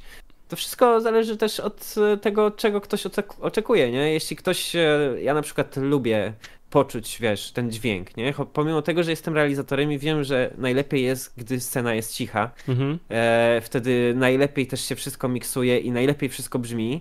Ale z drugiej strony feeling tego wszystkiego, wiesz, no ja raczej nie grałem takiej muzy też jak ty, ambitnej. No powiedzmy. Ba- bardziej, e, bardziej ha- hałasy różne. E, więc e, tu dochodzi też kwestia tego, że ten gatunek, wiesz, jakiś taki metal mocniejszy, czy punk i tak dalej, fajnie jest czuć w ogóle, wiesz. To, Ale w każdej muzie ważna jest na interakcja, grze, taka naturalność brzmienia, którą na przykład słyszysz w klubie jazzowym, a nie, że masz Nie, no każdy tak, instrument no. na uchu i, i nawet nie jesteś w stanie wyczuć takich naturalnych proporcji, Mhm. nie? Między głośnością Mhm. poszczególnych składników. No ja pamiętam właśnie jak pierwszy raz na uchu grałem, to tak byłem rozczarowany, nie? Takie jest To wszystko jest suche, wygodne, sterylne i dziwne, Ale nie? jest takie właśnie sterylne, nie? I, i, I właśnie wiesz, to jest kwestia tego, jeśli ktoś lubi, wiesz, e, napierdzielać po prostu e, i czuć to wszystko, dodatkowo kręcić szybko gałami, Aha. e, jak tylko jest w stanie, no to wiadomo, że pedalboard na pewno się tutaj sprawdzi dużo lepiej z jakimś tam piecem, nie? Ale tak jak wspomniałem, jakieś, jakieś szybkie gigi, takie wiesz, jakieś małe joby, to to multi-effekt myślę, że jest dużo lepszą opcją, nie? Mhm. Wiesz co, ja jeszcze tak a propos, jak już zaczęliśmy rozmawiać o efektach cyfrowych, to mam wrażenie, że o ile w analogowych rzeczywiście nie ma różnicy, czy efekt kosztuje 100 zł, czy 1000, to w cyfrowych już jest, że na przykład jak y, używam jakichś tam chińskich efektów, dostaję coś na testy, to czuję, że naprawdę jakość tych, nie wiem, algorytmów jest dużo gorsza niż na przykład w takim Strajmonie albo w czymś z wyższej półki. Wiesz, no to jest też kwestia tego, że nie każdy efekt cyfrowy używa tego samego na przykład tam układu, nie? Który, który e, przetwarza ten dźwięk. Więc e, to, to też jest tak, że wiesz, niektóre sprzęty są e, powiedzmy ograniczone, że nie nagrasz tego samego. Mhm. Znaczy nie wgrasz tego samego algorytmu nawet na, na ten efekt, czy nawet nie jesteś w stanie napisać takiego nowego algorytmu, który by zrobił to samo, co tamten algorytm w innym sprzęcie. No i to też podejrzewam, że jest kwestia tego, że te cyfrowe chipy też są i tańsze, i droższe.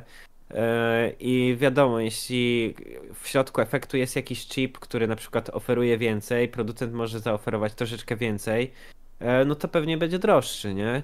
Plus do tego dochodzi sama marka, no. Wiadomo, że te wszystkie e, jakieś tam chińskie, które klepią po prostu masowo, też będą tańsze, bo to jest w ogóle inny model robienia tego wszystkiego Mhm. e, niż, niż ja na przykład robię, nie? Więc e, no myślę, że to w ogóle jest ciężko porównać, to, to są totalnie dwa inne światy, nie? A wiesz co, a drugie Jak- takie jak przemyślenie odnośnie tego porównywania i mówienia, co jest lepsze, co gorsze, to bardzo często mam tak z różnymi efektami gitarowymi, że jak sobie na czymś gram, to często się do tego przyzwyczaiłem i wydaje mi się, że jest świetne i dopiero w momencie, kiedy porównam to bezpośrednio z czymś innym, to jestem w stanie powiedzieć, co jest lepsze, a co jest gorsze, że dla takiego grania, ćwiczenia, nagrywania bez, jest bez różnicy, ale dopiero jak zaczynam kopać, otwieram tą puszkę Pandory i zaczynam szukać idealnego brzmienia, to sam sobie dokładam jeszcze frustracji i takiego, takiej konsternacji, że tak naprawdę to, co mi się wcześniej podobało, nagle mi się przestaje podobać. Że czasami człowiek może lepiej wiesz, śpi, jak mniej wie. No z jednej strony tak, a może też dochodzi troszeczkę takie, wiesz, zmęczenie jednym brzmieniem, na przykład, że wiesz, grałeś na tym cały czas i teraz słyszysz coś troszeczkę innego i nie wiem, poczułeś e, nową inspirację przez to na przykład, nie? E, może to jest kwestia też, też tego, że używając ciągle jednego, e, inne będzie po prostu ciekawsze. Nie? Na takiej zasadzie. I plus dochodzi takie troszeczkę, wiesz, e, takie już sama percepcja, nie? Jakaś tam, nie wiem, adaptacja słuchu, tego typu rzeczy, nie? Że, że też może twój słuch na przykład dzisiaj odbierasz to tak, w drugi dzień inaczej, to też tak jest, nie? Nie wiem, przestawiłeś piec, Mhm. Mm, inaczej dzisiaj dźwięk odbił, nie? Bo to też trzeba pamiętać o tym, że w różnych pomieszczeniach też to będzie brzmiało inaczej, nie? Zgadza się. To Więc... tak naprawdę to jest całe no to jest taki błądzenie we mgle. To jest taki, taki temat rzeka, że wiesz, no tak jak e, mówimy w zasadzie od samego początku, ciągle stawiamy jakieś trudne pytania, na które nie ma jednoznacznej odpowiedzi, nie? Ale wydaje mi się, że właśnie to jest fajne w tym streamie, że, że może dużo ludzi tak jakby sobie troszeczkę e, zacznie bardziej się zastanawiać, na co warto zwrócić uwagę, a co warto odpuścić na przykład. Na takich zasadach. Wiesz co, fajnie, że to, że to powiedziałeś. lekcje. Fajnie, że to powiedziałeś, że to, że to wybrzmiało, bo coraz bardziej, wiesz, bo ludzie oczekują ode mnie właśnie takich na przykład sterylnych, laboratoryjnych porównań efektów. I teraz nagle się okazało, że to jest totalnie bez sensu, bo skoro dwa te same tak efekty brzmią inaczej, z tego samego producenta, z tej samej linii produkcyjnej, bo są jakieś tam różnice tolerancji, tak jak powiedziałeś, to nagle okazuje się, że, że bez sensu porównywać oryginał do klonu, klona oryginał do oryginału, bo to wszystko jest tak płynne i nieprzewidywalne, że, że to nie ma żadnej wartości w ostatecznym rozrachunku. Znaczy, no może nie, że nie ma totalnie e, żadnej wartości, bo z tymi tolerancjami to też jest tak, że, że wiesz, że, że wcale nie musi być aż takiej dużej różnicy, e, a różnica może być naprawdę minimalna, że naprawdę trzeba mieć wprawne ucho, żeby te, te, różnice w tolerancji usłyszeć, nie? To i tak mhm. jak wspomniałem, jeśli jest to też bardziej skomplikowany efekt, co składowa tego wszystkiego, e, co tam się dzieje, E, jest tak duża, że te tolerancje wtedy się troszeczkę rozmywają. Wiesz, po prostu du, powiedzmy jest kilka stopni wzmocnienia, więc e, te, ta różnica w tolerancji też może się zatrzeć, nie? Głównie jeśli chodzi o tolerancję, to jest problem takich najprostszych układów, nie? Mhm. Typu właśnie fuzz face, jakieś takie na jednym wzmacniaczu. Czaję. No to już, to już w sumie o tym mówiliśmy. E, mhm. wiesz co? To w takim razie chcę zbudować swój pierwszy efekt gitarowy poprowadź mnie, co powinienem zrobić, gdzie się udać, co kupić, co dowiedzieć taki poradnik. Myślę, że wiele osób jest mm. zainteresowanych tym tematem, ale też wiem, że ludzie zabierają się z tym do tego, jak pies dojeżdża, że po prostu chcieliby, ale wydaje się to takie nieosiągalne. A sam mówi, że nawet bez żadnego doświadczenia, z czystej zajawki byłeś w stanie od zera, wiadomo, korzystając z gotowego układu, ale od zera jakby takiej swojej wiedzy zbudować efekt, który będzie działał i nawet cię pozytywnie zaskoczył swoim brzmieniem. E, dokładnie. Jeśli chodzi o to, czy, czy można sobie bez jakiejkolwiek wiedzy e, zbudować efekt e, taki dla własnych potrzeb, bez, bez żadnej wiedzy, no to faktycznie można to zrobić. Ale nie polecałbym od razu robić działalności z tego, bo Jasne. to jest raczej długa droga. Także jeśli chce, chcecie po prostu na przykład zobaczyć, jak powstaje taki efekt, na dalszym etapie to na przykład jest ten delay, o którym mówiłem. To jest tak zwana płytka prototypowa. O rany. E, I to jest po prostu takie spaghetti, które ja sobie tutaj e, kombinuję, doprawiam e, i to jest po prostu bez lutowania cały układ tego delaya, nie? Żeby dało się szybko zmieniać poszczególne tak. elementy, Ja nie? tutaj mogę sobie po prostu przepinać, kombinować, dopinać jakieś rzeczy, widzisz, że tu jest jedna płytka, druga płytka dopięta, bo co chwilę wpadałem na jakiś pomysł i tak to wygląda już na późniejszym etapie, ale w momencie, kiedy chcecie sobie zrobić na przykład efekt taki kopię czegoś, to można e, ogarnąć sobie kita. E, mamy też e, w Polsce e, Karola, który sprzedaje takie kity. E, też dostałem od niego e, trzy takie kity na mój kanał Tone Charm po angielsku i tam pokazałem jak budować z tych kitów, więc możecie sobie zerknąć i ogarnąć taki kit. W kicie dostajecie instrukcje, dostajecie wszystkie części w zależności też od e, wariantu. Różni sprzedawcy oferują na przykład obudowę już wywierconą, jakąś tam grafikę. E, no i w zasadzie to potem sprowadza się tylko do tego, że Mm, według e, instrukcji lutujecie wszystkie elementy. E, po prostu na płytce macie też napisane na przykład R1 to jest rezystor 1 i na karteczce macie napisane R1 taka wartość.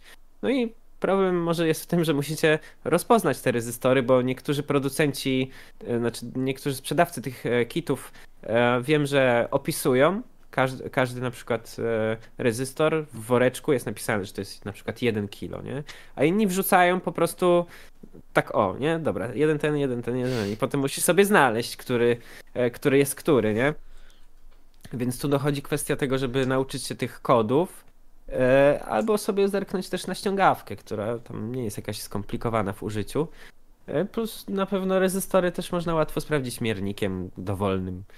E, gorzej z kondensatorami, bo nie każdy miernik na to pozwala, ale kondensatory są opisane cyferkami, więc też jest dużo łatwiej je rozpoznać. Czyli więc po prostu składa się ten efekt według instrukcji i sprawdzasz, czy działa. No. Pomijając kwestię tak, lutowania, to tak jak układanie klocków Lego. Tak, kwestia lutowania to też nie jest e, jakiś skomplikowany proces. Myślę, że największym problemem ludzi e, jest dobór niewłaściwej temperatury i lutownicy. E, do, do po prostu e, tego, co się robi. E, na pewno dużo wygodniej lutuje się tego typu rzeczy taką lutownicą kolbową z małym grotem. I najlepiej też, jeśli ma się po prostu stację lutowniczą, która umożliwia ustawienie temperatury, nie? Mhm. I to wiem, że stacja lutownicza brzmi tak profesjonalnie i wszyscy już myślą, że pewnie miliony złotych. Ja przez pierwsze kilka lat korzystałem ze stacji lutowniczej za 70 złotych z Allegro. I efekt, który pierwszy testowałeś ode mnie, na pewno był lutowany na niej. E, Sam mówisz, wiesz, że to prostu... też, y, jeżeli chodzi o jakość wykonania twoich efektów, to że też cały czas się uczysz i poprawiasz, nie? Że mimo, tak, że wtedy to brzmiało... staram się szukać nie? no. czegoś nowego, żeby zrobić lepiej. Zauważyłem ogólnie tak, współpracując z różnymi producentami efektów, że y, na początku zwraca się uwagę na to, żeby działało, potem, żeby to fajnie wyglądało, a dopiero potem na przykład na takie rzeczy jak niezawodność, żeby gniazdo Wiesz się co, nie wykręciło i tak dalej, nie? Jest. Myślę, myślę, że tak, taki proces, e, e, całość przygody z tymi efektami można tak e, to skrócić. Na początku się cieszysz, że działa faktycznie, tak jak ja zrobiłem tego pierwszego fuza i tam był, wiesz, makaron, po prostu mhm. te kable tak jak wrzucone wszystko naraz. I podejrzewam, że, że dużo moich pierwszych efektów niestety tak wyglądało i znaczy podejrzewam, na pewno tak wyglądały, e, ale wiesz, no teraz po prostu staram się, żeby nie wiem, czy to będzie widać jak zbliżę też, e, bo jest tutaj światło, już po prostu, żeby te kabelki ładnie też e, chodziły sobie elegancko. Nie wiem, że widać to? Widać, widać. Każdy ma swoje miejsce. Tak, i po prostu Płytka też jest montowana na potencjometrach, więc nic tu w środku nie lata. Zakrywam tylko puszkę i jest, wiesz, efekt jest gotowy. Tu tak samo te, um, też nie wiem, czy to światło dobrze łapie, nowe efekty są po prostu grawerowane, plus lakierowane jeszcze na końcu, więc... Y, ja mam jeszcze laminat chyba na swoim, z tego co Tak, kojarzę, ty masz nie? naklejkę taką laminowaną, no. E, one też są w miarę wytrzymałe, ale no, no, to jest w ogóle bez porównania, nie? Mhm. W sensie ten grawer i, i lakier, bo to wygląda mega w ogóle super też e, tak na żywo, nie? Możliwe, że ten egzemplarz, no. przez to, że był kiedyś dawniej robiony, będzie droższy od tego, co ty masz w ręce. Jak Klon Centaur będzie. Yy, to wersja laminowana 2000 dolarów. E, no i też tego nowego Fuzzvengera troszeczkę zmodowałem tam EQ, troszeczkę oddałem tego środka, bo jednak przy, przydałoby się to, nie? Więcej, żeby faktycznie dobrze w miksie siedział, to w tym, co ty masz, e, jak ustawisz przełącznik na prawo i mhm. troszeczkę tą dasz w prawo bardziej, to wtedy on siedzi trochę lepiej w miksie, nie? Da się to fajnie usta ustawić. E, a tu po prostu też zmieniłem w tym najnowszym modelu 2022 który teraz jest dostępny na moim sklepie Occult Pedals, e, właśnie zmieniłem e, delikatnie, oczywiście, tak żeby to nie było mega odczuwalne. Wciąż jest ten ciężarny, ciężarny, ciężarny charakter. e, Mi się podoba no. to, że, że on jest taki jest charakterystyczny. Massive. Jest mega charakterystyczny i, i, no mega fajnie się gra takie riffowe rzeczy na nim. Mhm. Ło i dubsko strasznie. No więc e, tak, tutaj mam też na przykład e, taki prototyp tą czarmowy. To na przykład e, tak wygląda prototyp. Tutaj też się starałem zrobić to ładnie, ale płytka jest robiona w chacie. Tutaj w mojej pracowni i to jest płytka dwustronna, robiona w domu. Więc to też nie jest takie hop żeby ją sobie w domowych warunkach zrobić. Mhm. No i zwykle właśnie po takim procesie jak pokazywałem tą płytkę prototypową, to robię sobie schemat, e, przygotowuję płytkę, projekt płytki na kompie i właśnie później e, przystępuję do testowania w postaci zrobienia takiej płytki i z, z, zrobienia po prostu pierwszego efektu z tą płytką. Nie? I tam sobie jeszcze ewentualnie, tak jak tutaj widzę, że niektóre elementy po prostu stwierdziłem, że wylutuję i wlutuję coś innego, więc to jest taki ostateczny etap. Potem jak już jestem z wszystkiego zadowolony i poprawiłem ewentualny projekt, to po prostu wysyłam też do fabryki płytek e, te projekty i oni mi już płytki wysyłają. No ciężko, Ale żebyś sam wszystko gołe... robił, nie? Jedna osoba, więc pewnie... To jest jedyna rzecz w zasadzie teraz, którą, e, której nie robię sam. Mhm, okej. Okay. Mm, więc tu dochodzi też tu jakieś cena, różnice w tych butikowy, niebutikowy. To jest też to, że właśnie ja sobie siedzę, wiesz, i, i robię, dbam o wszystko, E, sam, nie? Także, że jestem pewien, e, że to jest zrobione tak, jak ma być zrobione i, i że po prostu ktoś nie będzie miał z tym problemu, nie? O, o to też mi chodzi w tym, w że, ogóle że wiesz, nie outsourcuję rzeczy, nie? To, co mnie uderzyło, jak rozmawiałem z producentami efektów, że tak naprawdę najbardziej kosztują te rzeczy dookoła samego efektu, że te części, z których wyciągane jest brzmienie, one nie są drogie w stosunku na przykład do budowy, do tych wszystkich rzeczy związanych no. z designem nie, danego efektu. Prawda jest taka, że w większości efektów, nie we wszystkich, ale w typu jakieś tam przestery, e, proste analogowe efekty, to, to w większości przypadków e, w większości przypadków e, cena tego, co, co coś robi z tym brzmieniem jest mała w porównaniu mhm. do reszty. Bardzo mała. Tak jak powiedziałeś, obudowa, jakieś części typu switche, e, jacki, to, to są e, tak naprawdę najdroższe elementy, plus potencjometry. Tutaj jest pytanie do ciebie. Wszystko poza płytką. Nie? Jeszcze jak lutować dobrze? Zawsze mi cyna strzela i się nie klei fajnie. To jest to, co mówiłeś o temperaturze, czy coś jeszcze byś poradził koledze w kwestii lutowania? E, cyna mu się klei, więc podejrzewam, że właśnie za niska jest temperatura. E, e, że po prostu ona tak jakby się roztapia troszeczkę, za chwilę zastyga i no ja bym spróbował wyższą temperaturę, ale no to ciężko jest też tak powiedzieć, bo, bo nie to wiem. To jest takie trochę wyżenie tak fusów, tak mnie ludzie pytają na przykład. Tak, tak, ale. Jak ustawić no mam... kostkę i nawet nie pokazują jak ustawiają. No, ale typu mam na tym kanale tą Charm Audio po angielsku, mam tam e, filmik jak pokazuję i dużo mówię o lutowaniu i wydaje mi się, że mogą być też polskie napisy w tym filmie. Okay. Bo on chyba ma dużo wyświetleń i chyba zrobiłem polskie napisy, więc jak coś to zapraszam na ten kanał. Nie wiem, może możesz wkleić? Tak, wysyłam cały czas linki do Tą Charma, Polskie Efekciarza i Okult Pedals. Trzy kanały do zasubskrybowania, dzięki. jak ktoś jest tak zainteresowany jest. wiedzą na ten temat. Tak, i na tym właśnie kanale Tom Charam Audio tam e, można sobie zerknąć. E, mówię o, o tym lutowaniu, o temperaturze. Ja też na co dzień używam cyny bezołowiowej, więc troszeczkę wyższej temperatury używam. Ona potrzebuje troszeczkę wyższej temperatury, żeby się fajnie topić. E, I ogólnie ja lubię też bardzo szybko lutować. Okay. Więc robię to już też tak na pewniaka, że tak powiem, nie? Bo już no, tyle co ja się nalutowałem, to rzadko kto kiedykolwiek tyle lutuje, jeśli nie robi nic z elektroniką, nie? Więc Jasne. E, typu, jeśli ktoś tak hobbystycznie chce sobie przylutować coś, no to wiadomo, że pewnie będzie mu to gorzej szło niż takiej osobie jak mi.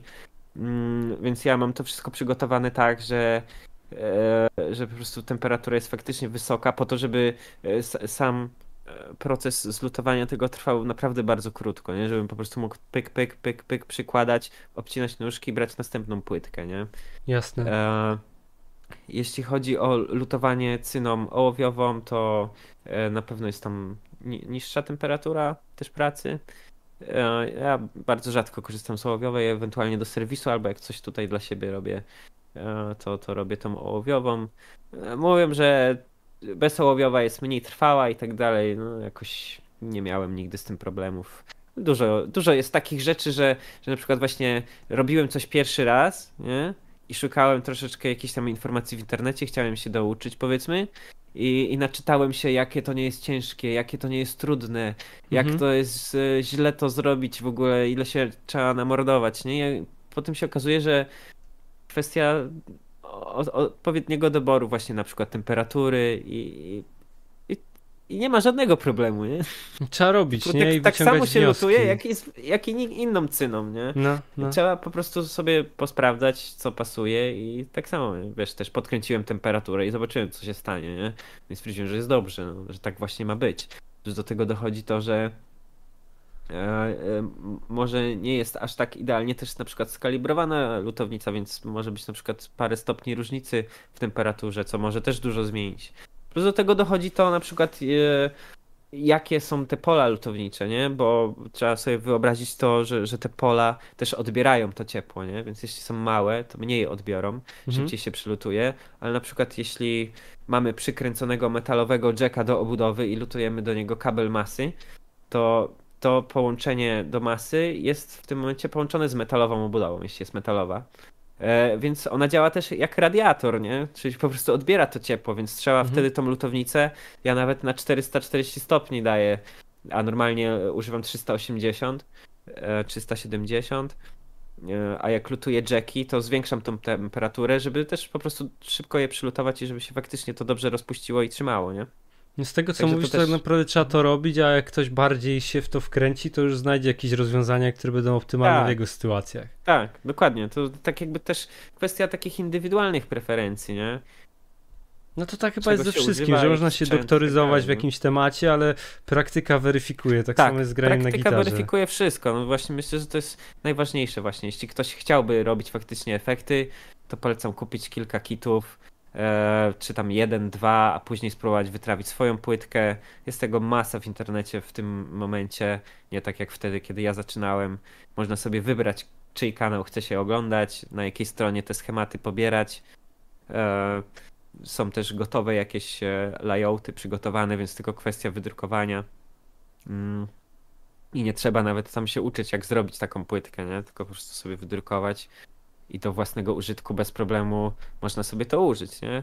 Więc no naprawdę możliwości są szerokie, żeby po prostu nauczyć się tego. E, I to też e, no tak jak z innymi rzeczami, nie? Nie jest tak, że jak się zbuduje jeden czy drugi, to już będzie się ekspertem. No jasne. E, znaczy będzie się I... uważało, że się jest ekspertem na pewno. Tak, właśnie to jest taki moment wtedy, nie? Że tak. Im mniej wiesz, tym wyżej dupę nosisz, nie? Tak, no to prawda. I, I wiesz, no ale to wszystko się weryfikuje. Każdy tak musi to przejść, też, ten etap. Tak, każdy musi to przejść, nie ma się tu czym przejmować, trzeba też się pokazać, że coś tam się robi, bo zawsze można też poznać kogoś, kto się przyda na przykład, wiesz, na takiej zasadzie, nie? No, może być to dla niektórych uciążliwe, na przykład w Polsce pamiętam wtedy było tak, e, nie było parę takich osób, które zawsze tam musiały się wypowiedzieć. Okay. Ale no już po, po, to. W każdym razie, no, nie, nie warto Chyba się wiem, zdrażać. o kim mówisz, jeśli... ale to nie, nie będziemy tego Nie, może nie będziemy ten rozkminiać tutaj. Nie, nie wiem, czy wiesz. Y, no dobra, nieważne. Pogadamy sobie poza streamem na ten e. temat. Ale w, każdej, wiem, w każdej branży znajomy w sumie, no. są jeden. takie osoby, które po prostu muszą wszędzie być i wszędzie się wypowiedzieć. Tak, ale tu kwestia jest właśnie tego, żeby się nie zrażać i na przykład tak jak ja poczułem taką zajawę mocną, nie? Jak mhm. zrobiłem ten jeden efekt, to typu, no nie wiem, jak ktoś nawet powiedział, że nie wiem, coś tam było brzydko, czy coś tam źle zrobiłem, to w sumie teraz jak na to patrzę, to no nie przejmowałem się wtedy jakoś super tym. Po prostu wiedziałem, że zawsze dążę do tego, żeby zrobić coś lepiej, nie? I no. teraz na przykład, jeśli patrzę na swoje efekty, to jestem mega zadowolony, nie? I, I czasami otwierając efekty dużych firm, jestem rozczarowany na przykład, nie? Typu ostatnio kupiłem sobie też e, kompresor JHS-a i w miejscu, gdzie obudowa powinno, powinna się stykać z masą, było zamalowane. Mhm. I brumił. Aha, czyli był ogólnie wadliwy przez to, tak? Przez to wykonanie. No, tak, musiałem pilnikiem zadrzeć farbę i, i było wszystko git.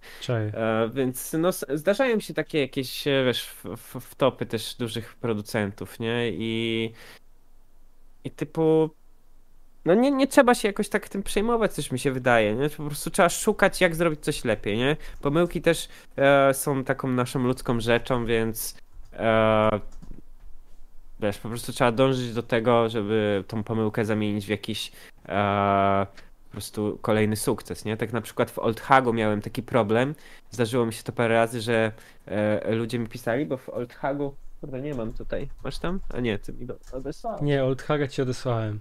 Wiesz co, mam to chyba za sobą. To jest popodpinany. W Old Hagu mam po prostu e, dwie lampki w oczach, nie? Tak. I w tym momencie, w tym, który ty miałeś, były takie wystające jeszcze. Nie wiem, czy zwróciłeś na to uwagę. Były wystające, E, no. Tak, wystające były, a teraz są po prostu równiutko z obudową, nie? Bo był taki problem, e, że te diody mają taki cieniutki plastyczek e, dookoła tych e, pinów i zdarzyło mi się, że po prostu przy, przy, jeśli były za mocno wciśnięte, to gdzieś tam poruszyły się w transporcie na przykład, pomimo tego, że były przyklejone. E, okazało się, że zwarł się jakiś pin na przykład z obudową, nie? która jest Mhm. podłączona do masy i diody nie świeciły. Okej. No i to też był taki błąd, który od razu, jak tylko dostałem pierwszą wiadomość, że coś takiego się stało, to zacząłem sprawdzać, dlaczego tak jest, nie? Co mogło pójść nie tak. E, I, I właśnie zauważyłem, że w momencie, kiedy bardziej podociskałem te diody do obudowy, to zauważyłem, że ten plastyczek się gdzieś tam przeciera w końcu i zbiera tą diodę i No to przestaje są rzeczy, świecić, których więc... nie jesteś w stanie przewidzieć, dopóki się nie wydarzą. Tak, właśnie dlatego e, nie trzeba się zradzać takimi rzeczami, tylko korzystać z nich jako doświadczenie, nie? Do, do, do zrobienia właśnie upgrade'u. No i, i zrobiłem upgrade, teraz montuję właśnie te oczy e, tak, że są, e, nie wystają i odstają trochę od obudowy, nie? O, o, ogarnąłem sobie to tak, że jest picobello. Mam fajne pytanie. Jak wygląda twój proces opracowania nowego układu? Jakaś płytka prototypowa to pokazywałeś, A to pokazywałem, ale, ale no. pytanie jest kwestia prób i błędów, czy raczej zamierzone i wyliczone wartości elementów z konkretnym zamiarem? Mówiłeś E, o znaczy, próbach i błędach z tym Mhm. delayem, nie? Ale z tym przesterem delayem, ale jak to jest ogólnie? Jaki jest zamysł? Czy sobie eksperymentujesz, czy bardziej masz to już, nie wiem, da się to wyliczyć, jakoś przewidzieć, co się wydarzy tak dokładnie, Nie, no- czy nie? Da się, ale ja jestem też zwolennikiem pracy na ucho, Mhm. Na zasadzie, że e, na początku jest zwykle tak, że właśnie mam jakiś pomysł i później na kartce na przykład e, rysuję sobie jakiś schemat taki blokowy bardziej, na zasadzie co bym chciał, żeby po kolei się działo. E, Później już też mam na przykład jakieś takie swoje ulubione bloki, z których lubię na przykład korzystać i ewentualnie je właśnie potem modyfikuję. E, Ale w każdym razie właśnie zaczynam tak, od jakiegoś takiego ogólnego schematu, e, który sobie po prostu składam też na tej płytce prototypowej, każdy blok po kolei powiedzmy. E, I potem to łączę. I potem jest duża kwestia też pracy właśnie na ucho, nie? Na zasadzie, że okej, to jest spoko, to nie jest spoko, to zmienię to, to zmienię to, to zmienię to. I w międzyczasie często jest tak, że wpadam na jakieś inne pomysły, że jeszcze rozwijam to, co, to, co myślałem, także to jest taki mocno kreatywny proces. Ja wiem, że e, nie, niektórzy ludzie na przykład e, też e, można robić e, na przykład symulacje na komputerze, nie? Takich różnych układów. E, Ale ja mimo wszystko wolę po prostu mieć to fizycznie, nie? Że, Mhm. że gram na tym i, i kombinuję sobie, siedzę po nocy, aż już mam tego dość, idę spać, wstaję, sprawdzam, dobra, jest dobrze. I, Brzmi jak wiesz, dobra za- zabawa. No, to jest takie faktycznie Lego już tu, nie? Tylko, że jeszcze możesz sobie dź- dźwiękiem się pobawić, nie? Jasne. I czasami te płytki prototypowe, jak jest mega duży układ, są troszeczkę uciążliwe, bo tam wiesz, troszeczkę gdzieś niektóre rzeczy możesz ruszyć i coś nagle nie działa, coś się rozłącza. Także jest trochę z tym zabawy, ale jeśli chodzi o taki proces powstawania tego, jak od pomysłu, to, to na porządku, tak jak mówiłem, sk- skracając, jest tam pewne jakieś tam wyliczenia, składanie bloków, potem dużo pracy na słuch, nie? Na ucho i tak, żeby po prostu mi się podobało. Zawsze też tak robię, że, że ma mi się podobać przede wszystkim, nie? Jeśli mi się podoba, to nie, nie, nie mam problemu z tym, żeby komuś to sprzedać po prostu, nie? I wiem, że jeśli już ktoś jest e, obeznany też z, z moją marką, to szczególnie Occult Pedals, to ja mam po prostu ludzi, którzy kupują wszystkie moje efekty po Occult kolei. Pedals, efekty coś... dla całej rodziny. Tak. I, I wiesz, po prostu ja wiem, że e, oni wiedzą, co ja mam w bani, że tak powiem. I, i wiem, że, że, po prostu będą zadowoleni i, i, tak jest. Ostatnio miałem też problem z, z, z wysyłką, e, w sensie, że poczta mi popierdzieliła numery i jest duże opóźnienie z wysyłkami. I dzwoniłem do jednego gościa z USA i pytam się go, czy dostał tą e, przesyłkę z Old Hagiem, nie? Na Old Haga czekał. On mówi, że nie, ale dostał z Carionem, bo zamówił, e, później mu wysłałem tego Cariona, ale już go dostał, przez to, że ten Old Hag był opóźniony, nie? Okay. I on w ogóle nie skupił się na tym Old Hagu, tylko zaczął mi mówić, e, jaki to ten Karion nie jest super, nie? No. I jaki nie jest zadowolony. W końcu da, dał mi dojść do słowa i mu powiedziałem, że jest tam opóźnienie i co robimy, czy jakieś zwroty, czy coś tam i tak dalej. I on powiedział, nie, nie, on, on czeka, on bardzo chce, to żadny zwrot nie wchodzi w ogóle w grę, nie? ale fajna wiesz, taka silna tożsamość marki, nie? Tak, ale wiesz, dużo jest takich osób, które po prostu jak tylko jest coś nowego, nawet jeszcze dema czasami nie wstawię, już jest, wiesz, zamówione na przykład, nie? I mam kilka takich osób, które po prostu czekają tylko coś, coś nowego, nie? A jednego to mam w ogóle takiego, że śmieję się czasami, że, że ma więcej moich efektów niż ja mam. A, okej. Okay. Super, kurczę. Ja, ja często mam takie, wiesz, po prostu trupy, chociaż teraz sobie porobiłem trochę, ale często mam takie, wiesz, że jakiś zostały dawcą, albo jakiś eksperyment przeprowadziłem i tak wiesz, mam dużo takich obudów, które są puste na przykład, więc yy, często moje takie prywatne efekty kończą w, w efektowym piekle. Zadawajcie pytania śmiało, będziemy już na nie odpowiadać, bo wcześniej się zagadaliśmy swoimi tematami. Jak macie coś do mnie albo do Adriana, ale głównie do Adriana, bo tu. Zleciał. No już 22, prawie powoli będziemy kończyć, więc to jest doskonały moment, żeby zostawić łapki w górę i zadawać tak, pytania. Łapeczki w górę. Mi nie zadawajcie, bo ja to jestem na co dzień na swoim kanale, ale Adrian myślę, że też zagości częściej, ale póki co. O, Cześć. O ile próby zrobienia jakiegoś przesteru mają sens, bo paleta brzmienie jest ogromna, o tyle wymyślanie nowego delaya czy reverba to sztuka dla sztuki chyba. Co o tym powiesz? E, no nie do końca, bo naprawdę jest też e, dużo różnych opcji, które można zrobić, nie? Tak, tak jak na przykład robię też ten delay teraz, to on ma coś takiego, e, które też widziałem takie efekty, ale on po prostu jest czuły na input, nie? Na zasadzie, że on moduluje sygnał w zależności od tego, jak mocno uderzysz w gitarę, nie? Taki envelope. Okej. Okay. I nie wiem, czy grałeś kiedyś na takim efekcie, ale. No oczywiście, a czy mm. na y, kaczce, która jest modulowana y, siłą uderzenia, Uderzenie? nie? Envelope okay, filter a, po prostu. A na delayu takim grałeś? Nie. Y, to jest mega fajne do takich, wiesz, brzmień, takich mocno indie, jakiś taki. Mi się kojarzy od razu z takimi.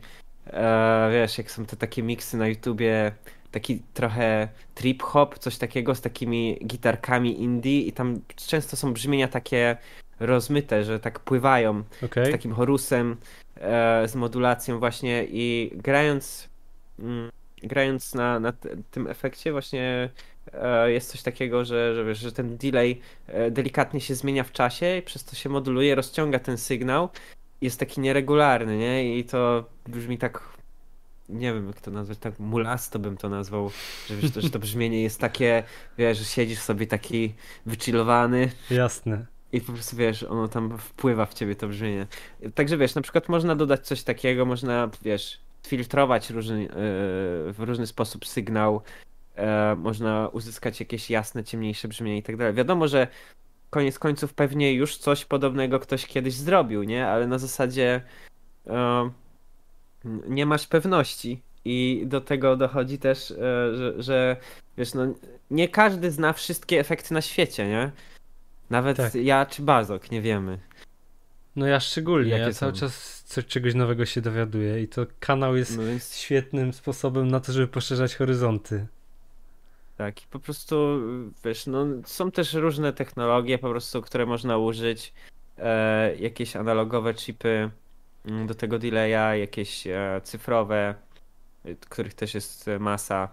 No ale to wiesz, samych Więc rodzajów pogłosów jest, jest naprawdę. ile, nie?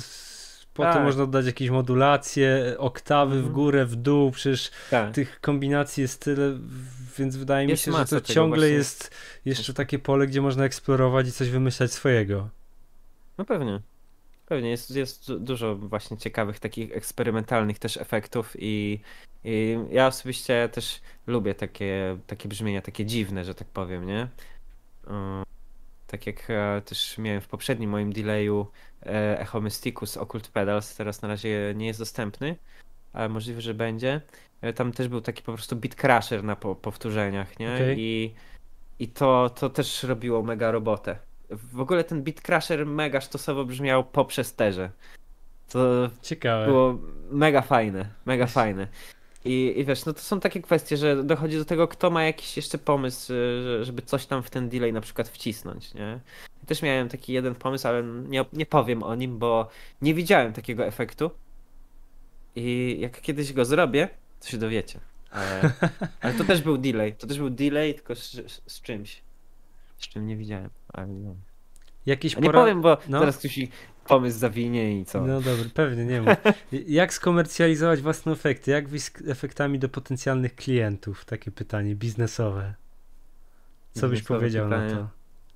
to? Myślę, że to jest e, najlepszym kanałem sprzedaży jest internet, więc po prostu próbowałbym w internecie, tak jak większość tutaj. No mam wrażenie, że to jest główny robi. kanał dla wszystkich polskich producentów, że Tak. mają swoje profile, wysyłają efekty do youtuberów, Tak. y, promują się właśnie takimi nowoczesnymi metodami. Przede wszystkim trze- musi ktoś posłuchać, jak te efekty brzmią, nie? Bo jeżeli... Tak, to trzeba gdzieś demo nagrać, komuś wysłać. Tak, że, żeby to można było posłuchać brzmienia i zobaczyć jak wygląda. Niektórzy kupują oczami efekty i jestem y, też często świadkiem takich osób, które zwracają uwagę przede wszystkim na wygląd efektów. To jest to ciekawe. jest, to jest na pewno też duża część rynku, osoby, które kupują z, z, z, z, ze względu na wygląd. Nie?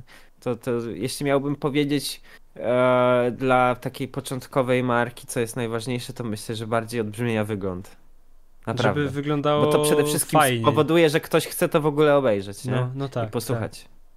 E, No ale jeśli chodzi o jakiś taki marketing, no to jest ciężki temat, taki do ogarnięcia, na pewno na początku, bo trzeba bardzo dużo rzeczy robić, nie? Trzeba pilnować tych wszystkich social mediów i tak dalej, bo nie porobisz coś chwilę, to algorytm zaraz cię spycha na bok. To zżera sporo Więc czasu. trzeba też, jeśli chce się samemu promować, tak jak ja na przykład dużo robię, że, że faktycznie też ja i gram na tych efektach, nagrywam filmiki i tak dalej, no to to pochłania dużo czasu i takiego myślenia też, tak jak powiedziałeś wcześniej, nie? Że ciągle się zastanawiasz, co by tu jeszcze zrobić. Czy by tutaj jeszcze ten algorytm przekonać do tego, żeby jednak takie. pokazywał to do ludzi. Wiem po sobie, że takie podejście strasznie ryje beret na, na dłuższą No. metę. Jest to mega męczące, że, że, że cały czas próbujesz coś nowego wymyślić, nie? No, tak, pamiętam, miałeś niedawno tak, że, że też napisałeś, że, że jesteś taki zmęczony, że potrzebujesz wakacji od, No. od internetu w ogóle, nie? Pamiętam. No i tak jest, właśnie, tak jest, że, że to się takie wydaje yy, hop siup, ale za tym wszystkim, wiecie, za tym 50-sekundowym filmikiem e, są dwa dni roboty na przykład, nie? I przygotowywania myślenia na przykład, nie? Także no czasami dwa, czasami e, z marszu niektóre rzeczy się nagrywa, wiadomo, nie? No jest Ale- czasami taki błysk, nie? A zrobię dzisiaj Mhm. to i, i czasem jest to właśnie najlepszy, co zrobiłeś w danym tygodniu. Cza- Czasami właśnie tak jest, nie? rzeczy. Mnie na przykład szokuje to czasami po prostu, wiesz, faktycznie fajnie jakoś tam popodpinam, w- zrobię jakąś perkusję, zagram jakiś fajny riff i nie ma to wyświetleń, a nagram w ogóle, wiesz, telefonem, No jeszcze pamiętam, mi tu coś tam- strzela, y, mikrofon mi świruje w tym iPhone'ie i, i po prostu, wiesz, źle totalnie i wiesz, typu 10 razy więcej wyświetleń, nie? Ja No. tak czasami sobie myślę, po co się w ogóle, wiesz, produkować, starasz się, żeby faktycznie ludziom, wiesz, pokazać, co można z tym zrobić, żeby sobie zobaczyli, no to wystarczy im tylko e, telefon.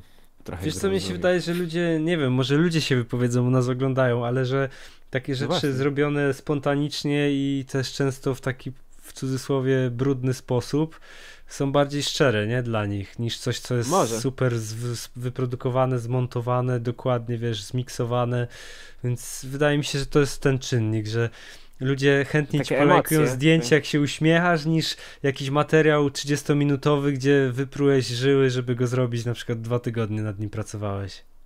Fakt, tak, to jest, to masz rację chyba, że tak, na tym to polega. Tutaj kolejne pytanie bardziej techniczne. Które elementy najbardziej wpływają na brzmienie? Kondensatory, tranzystory? Nie wiem, ja się nie znam totalnie.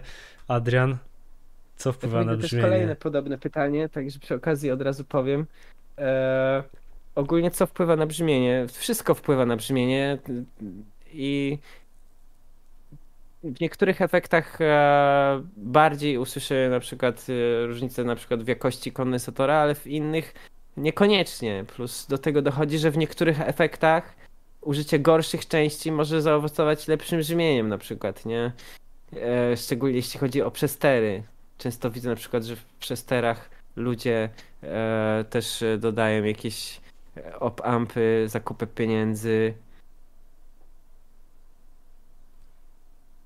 No, dla mnie to jest po prostu, wiesz, bez sensu. I jeśli chodzi też e, kolejno e, SMD czy przewlekane, to też e, jest kwestia tego, że właśnie technologia mm, montażu e, elementów na płytce. Ja część elementów mam e, przewlekanych, czyli takich, co mają nóżki i przechodzą przez tą płytkę i lutuje się je w płytce, a część mam takich e, montowanych powierzchniowo właśnie, że lutuje się je od góry, nie?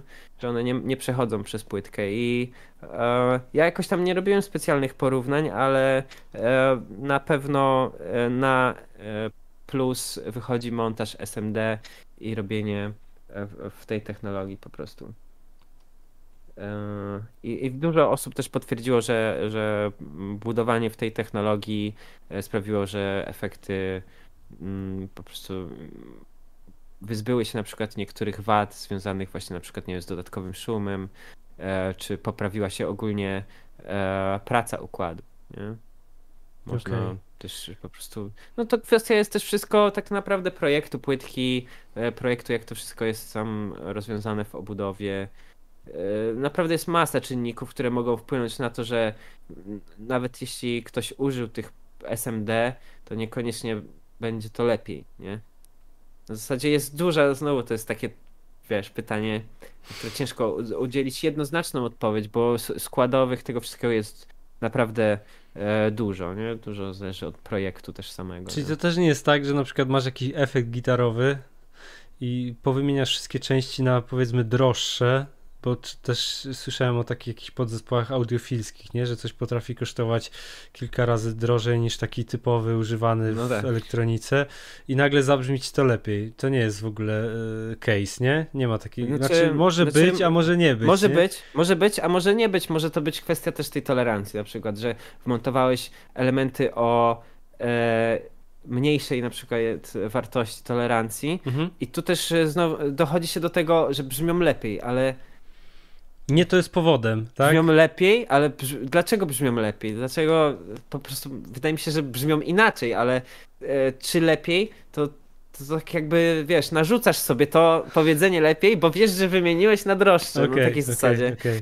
Wiesz o co mi chodzi? To, to, to co wcze- wcześniej mówiliśmy, że wiesz, że jest inne, ale czy, czy któreś jest lepsze? Znaczy, jak musisz zadecydować, to nagle szukasz, nie? Czy zauważyłem taką tendencję, że ludzie droższe rzeczy postrzegają za lepsze, dopóki wiedzą, że coś było droższe od, od innej. To też po sobie wiem, że czasami mi się tak wydaje, a potem na, na świeżo po paru dniach sobie puszczam próbki i nagle jestem totalnie skonfundowany, bo mi się wydaje, że Tak. ta tańsza rzecz nagle brzmi lepiej, a byłem pewny, że, że wcześniej było inaczej. No i to jest. To jest takie już y, trochę placebo, mam. nie? Jeżeli chodzi o, tak o, o, o świat gitary, brzmień i tak dalej. To często właśnie można samego siebie oszukać, wkręcając Tak, sobie czy- pewne tezy. Wiesz, no często jest tak, że też kupując drogą jakąś rzecz albo jakąś, na którą się nakręciliśmy po prostu, no nawet nie musi być droga, tylko się nakręciliśmy, też dochodzi właśnie ta ekscytacja, nie? Że ty już to w końcu masz, podpiąłeś to, grasz na tym i, i wtedy, wiesz, uważasz, ale to super brzmi, w ogóle, wiesz, jest total sztos. To tego właśnie potrzebowałem i przepinasz na stary efekt i wiesz, masz takie... Czasem I to też jest się, że też jest redukcja, spoko, redukcja dysonansu, nie? Po, pozakupowego. mm, Bo nie możesz przeżyć tego, że kupiłeś efekt za 1000 zł i, i jest gorszy od tego, który masz za stówkę wpięty, nie? Wpiętego w pedalboard. No to już są już takie procesy, myślę, poza y, mierzeniem, poza jakimś tam mierzeniem, tylko to jest nasze jakieś indywidualne doświadczenia z tym związane. No Zerknij, bo są jakieś techniczne pytania, nie wiem o co chodzi. Jezu, techniczne. Widzę, co Adrian sądzi o efektach BOSS. No, sądzę, że są spoko. Zresztą sama nazwa Boss. Wiesz, te efekty są like a boss, nie? E, no co, klasyczna marka, myślę, że są bardzo popularne w Polsce. Myślę, że chyba też jesteś w stanie to powiedzieć, że pewnie Są popularne, a mi się na przykład średnio pytają. podobają bossy. Mam wrażenie, że na Wiesz, jest ich tak dużo. Tak, no wiadomo, jest... wiadomo, pewnie są lepsze i gorsze y, konstrukcje, mm -hmm. ale mi się kojarzy z, z, trochę z zamulaniem boss i z dużym poziomem szumów, tak mi się kojarzy ta marka. E, no to tak jak wspomniałem wcześniej, że były problemy na pewno z szumami e, i ludzie modują sobie, nie? Ale to głównie myślę, że dotyczy starszych efektów. E, w sumie dawno nie grałem na żadnym takim nowszym. Na pewno mam Equalizer. Nie wiem, czy coś jeszcze mam teraz posta. Chyba nie. No ja stanąłem na tych efektach I... klasycznych. DS1, SD1, OD1, DD3 takich. To jest jakby moja wiedza, bo już te na przykład z serii Waza nie miałem ani jednego w łapach, więc ciężko mi się powie. ale o wiem, mam zajebisty y, oktawer od Bossa, OC5, polecam wszystkim. Nie wiem, czy widziałeś. E, ma... Nie grałem na OC5, nie. Ma taką funkcję, że dodaje oktawę do najniższego składnika współbrzmienia, czyli możesz sobie dorobić gitarę basową do najniższego dźwięku akordu i to świetnie działa w ogóle. E, e, wiesz co, wydaje mi się, że w w OC3 chyba też była taka regulacja, że można było sobie odfiltrować tą częstotliwość, od której zaczyna dodawać tą oktawę. Mhm. Mm, ale ja mam kopię Beringera w ogóle tego efektu. No. E, I nie pamiętam dokładnie, jak tam to działało, ale też byłem w miarę zadowolony z, z tego, jak faktycznie e, to wykrywanie działa, nie? że faktycznie możesz sobie zagrać akord, a dodać ci tylko tam powiedzmy do tej prymy oktawę, nie? No ja mam ten, ja mam ten film już nagrany chyba z pół roku temu i czeka na publikację. Pięć trików. A, a ty nie miałeś jakiegoś filmiku już o tym bosie? Miałem, ale to na tym drugim kanale angielskim. Aha, no to widziałem faktycznie tak. A teraz mam, znaczy mam ten sam filmik, tylko z narracją po polsku, czekający na publikację. Ale nie, zabawa jest przednia, naprawdę, bo byłem sceptyczny, ja w ogóle tak średnio, tak ci mówię, mam doświadczenia słabe z bossem, ale stwierdziłem, że a, wszyscy polecają, to zaryzykuję, czemu nie, no i jestem zadowolony. Akurat ten Octaver świetnie działa, jest przede wszystkim bardzo szybki w działaniu, nie, bo to zazwyczaj jest tak, że te mhm. Octavery się mhm. gubią. Na przykład od tak. Joyo miałem Octaver, no to on tak, powiedziałbym, 2 na 10 sobie radził z, ze stroną E6, nie, a jak ktoś niżej stroi, to już w ogóle pewnie kaplica. A, no. a ten, ten boss, powiem ci, że że można byłoby nawet oszukać słuchacza, że grasz na gitarze i na basie naraz, bo, bo, bo ta, ta podstawa akordu za każdym razem jest precyzyjnie łapana. O, ale tu na przykład Maciek pisze, że boss rządzi zwłasz, zwłaszcza stare analogi z lat 80., jak DC2 VB2. Ciekawy jestem, no. czy jakby porównać jakiś stary analog z lat 80. i jakiś nowoczesny wypust tego samego efektu, to czy rzeczywiście te starsze brzmiałyby lepiej? Czy nie byłoby właśnie takich szumów i takich rzeczy z tych związanych z niedoskonałością? To stwierdzić, nie, wi nie wiadomo czy coś zmienili, bo e, mogli na przykład przerzucić się na montaż powierzchniowy, ale wciąż na przykład używać jakichś tam e, jednak tańszych rzeczy, które też mogą szumieć, nie? Okej. Okay. No, nie wiem dokładnie, wiesz, no to o, oni tam to budują, ja też ich, tych wszystkich efektów nie widziałem. No jasne, jasne. E, ale w każdym się razie... właśnie, czy ludzie nie wpadają w taką nostalgię starych sprzętów, a okazuje się, że, no, że te no nowoczesne tak, są tak. powiedzmy lepiej zoptymalizowane pod względem na przykład właśnie takich szumów, czy, czy, czy nie wiem. To wydaje mi się, że na 100%, że tak Aha. jest. Tak jak dokładnie jak powiedziałeś, że pod względem takim jakościowym, jakieś tam szumy i tak dalej, e, to tutaj myślę, że raczej na plus powinno to być, nie?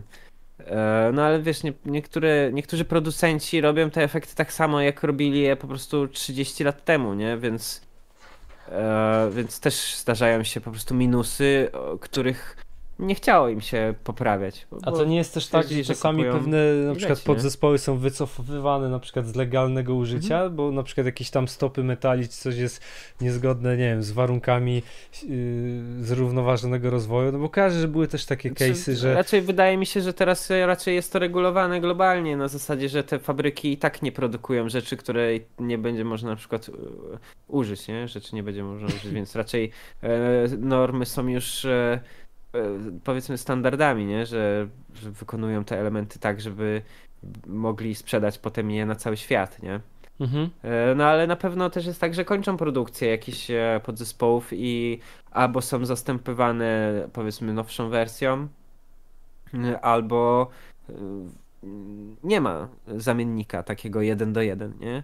Często jest tak, że e, jakieś tam chipy na przykład są, wychodzą w nowych wersjach, ale są troszeczkę inne na przykład, albo mają więcej nóżek, bo mają coś dodatkowego okay. na takiej zasadzie, nie? A to jest też tak, że właśnie jak coś przestaje być produkowane, to nagle zaczyna być zbyt mocno doceniane czasami, nie? Że to jest często Wydaje mi się, że z tym LM308 się... tak jest. Że się dorabia ideologię do tych rzeczy, które na przykład przestały być produkowane nie ze względu na to, że one były jakieś super, tylko właśnie przez to, że przestały być dostępne powszechnie, nie? Tak, tak. No to chyba ze wszystkim tak to działa. Jeśli coś już nie jest dostępne, a nagle się wybiło, no to trzeba się liczyć z tym, że będzie to dużo kosztować, nie? Jakby na przykład e, teraz e, ten efekt z naklejką jakiś gwiazdor pokazał e, milion, milionie osób, ludzi Pewnie źle to odmieniłem, ale dobra, nieważne. E, e, to wiesz, to po prostu też już by pisali ludzie posty, że e, ta wersja jest lepsza, nie? Mhm.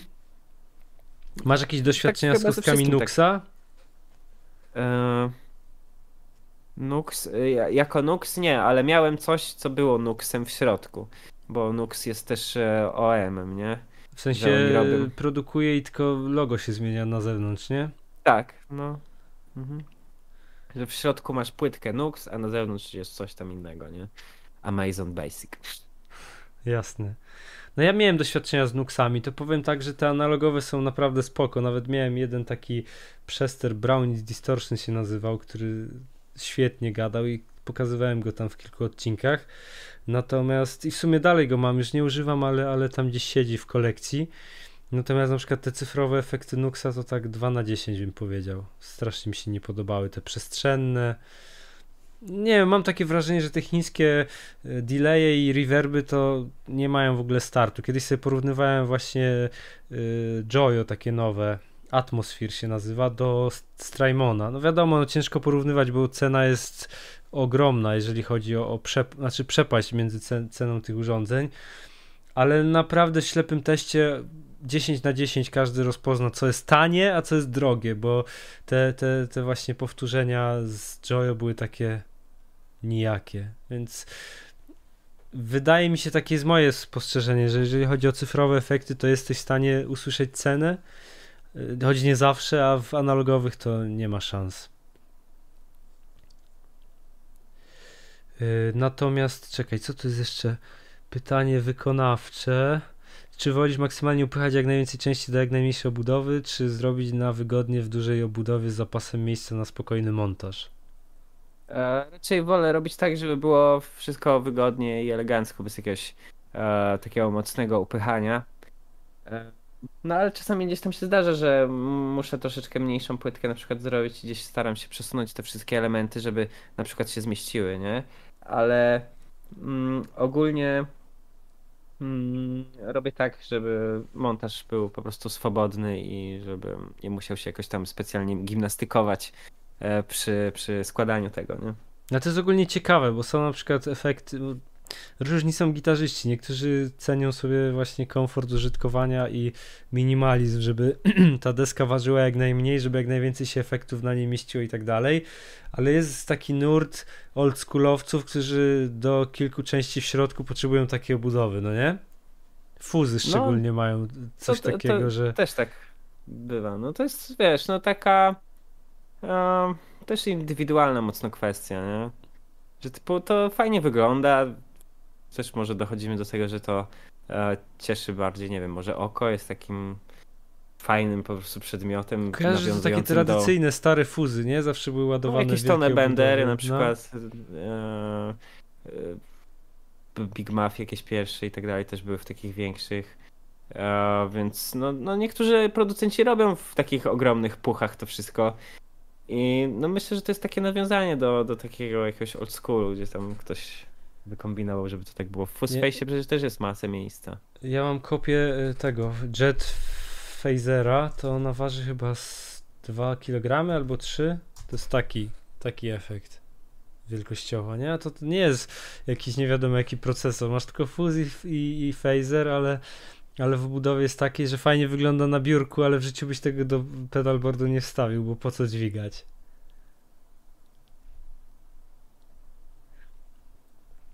Moglibyśmy zrobić minutkę przerwy dosłownie? Pewnie. Bo, bo wiesz, że do, 8, do ten, 18 po jest, ale jak coś to ja mogę jeszcze gadać, tylko minutkę dosłownie bym przerwy potrzebował. Wiesz co, zastanawiam się, czy nie powinniśmy w tym momencie przerwać tego streama, bo będzie jeszcze okazja, żeby Czemu? pogadać o innych rzeczach, nie? Czy chcesz jeszcze posiedzieć? Widzowie, kontynuujemy, Możemy czy jeszcze nie? posiedzieć 15-20 minut, poodpowiadać na pytania. Dobra, no to w takim razie y, znikaj, ja na chwilę wyciszę cię, pogadam Dobra. z widzami, jak będziesz to daj Dobra. znać, ja tutaj robię muta, e, Dobra. dźwięk, pyk. Halo, halo, halo? Jest ktoś jeszcze z nami? Widzę, że 106, 108 oglądających, ale mało osób pisze na czacie. Dajcie znać, czy żyjecie, czy zasnęliście. Ja tu jeszcze odpowiem na pytania. Tam było pytanie, dlaczego PRS? Myślę, że to nie jest temat na dzisiejszego streama, ale chyba odpowiadam na, na to pytanie, co stream. Podobają mi się te gitary po prostu. Świetnie brzmią, są fajnie wykonane, pięknie wyglądają i wszystko się tam zgadza. Dlatego jestem endorserem PRS-a. E, niska półka Joyo. To pewnie pytanie do Adriana. Ja powiem tak, że Joyo to jest taka firma, która ma kilka efektów genialnych w swojej cenie, kilka średnich i kilka takich, które w ogóle nie powinny się pojawić na rynku. Więc jeżeli śledzisz mój kanał, to pewnie trafiłeś na kilka recenzji, no i tam szczerze mówię o tym, jak to wygląda. Więc na przykład bardzo polecam przestery z tej serii Revolu- Evo- Revolution, czyli na przykład tego Uzi, e, Taurena, Tai Chi. Te przestery są naprawdę świetne. Natomiast na przykład nie polecałbym Octavera od Joyo z tej samej serii, albo nie polecałbym Reverbu. Na przykład Delay jest fajny. Także to wszystko się rozchodzi nie tyle o firmę, tylko o to, jak dany konkretny efekt jest zrobiony i, i, i tutaj musielibyśmy pogadać o właśnie konkretnych egzemplarzach, konkretnych yy, wypustach. Z Nuxa mam dokładnie to samo spostrzeżenie, czyli niektóre są fajniejsze i w swojej cenie naprawdę robią robotę, a inne są takie sobie, więc tutaj yy, ta sama sytuacja. Beringera nie używałem za wiele, a Moera też chyba nie, z tego co kojarzę. Także Nux i Joyo to jest taka, bym powiedział, nie tyle loteria, no wiadomo, te efekty są powtarzalne, ale trzeba potestować, zobaczyć co tam słychać. Patrzę co tam dalej. Dobra. Właśnie odpowiadam na pytania związane z tymi tańszymi efektami typu Joyo i, i, i Behringer. Miałeś Behringery jakieś? Używałeś? Bo akurat tego nigdy nie, nie, nie miałem na dłużej u siebie.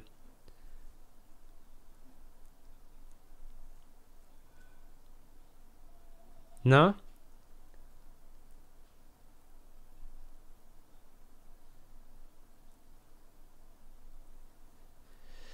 A, czekaj, bo nie macie. Czekaj chwileczkę. Już, już słychać Adriana, bo dobrze tutaj Iras napisał. Pytałem o Beringera, mówi, że ma kilka i tych, które są uważane za fajniejsze, więc zaraz wam coś pokażę. Dobra, już jesteś, bo cię nie było słychać przez chwilę, już wytłumaczyłem Aha, całą sytuację, okej. ale już, już wszyscy wiedzą Dobra. o co chodzi. Dobra. E, no ogólnie to I jest e, jeszcze- tak jakby odpowiednik Memorymana od e. Beringera. Mhm. Mm, Tak naprawdę no brzmi troszeczkę ciemniej, też inaczej, bo y, jest na 9 V. Ja tam nie zaglądałem dobrze do środka, ale zrobił się też na ten efekt trochę hype, jak Josh z JHS właśnie powiedział e, e, na którymś odcinku, że ten efekt jest fajny, nie? To wtedy nagle wszyscy zaczęli go e, chcieć. I... No to jest taki gość, który kreuje gusta gitarzystów, nie ma się co czarować, nie? No tak jest jak ma się widzów, nie? Tak jest jak ma, się, ma się widzów. To co nie powiesz, to już zaraz ktoś to po prostu okrzyknie prawdą jakąś objawioną, nie? Więc no, prawda jest taka, że fajny jest ten efekt yy, i no, brzmi dosyć charakterystycznie, ciemno, szybko się wzbudza feedbackiem.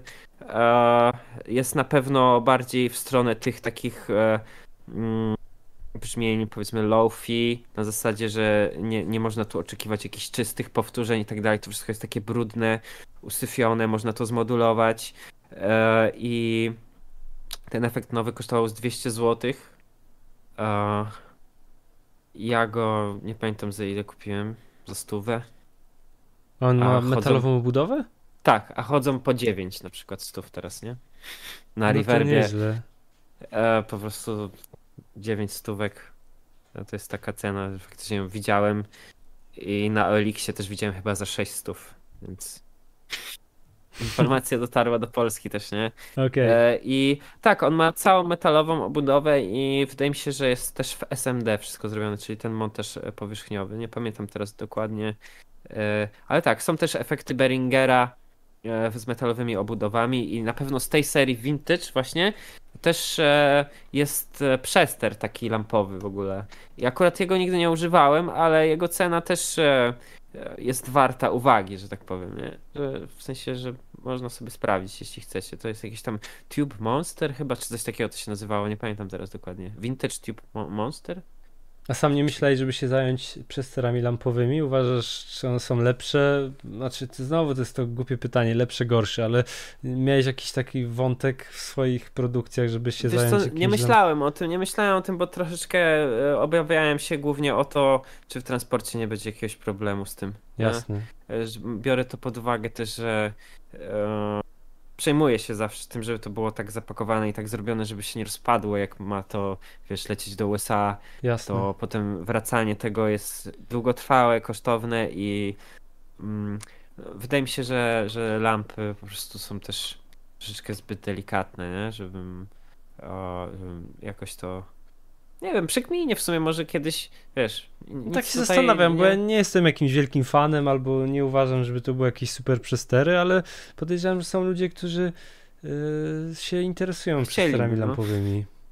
Myślę, myślę, że tak. Myślę, myślę, że mogłoby to na pewno zainteresować też wiele osób. Yy.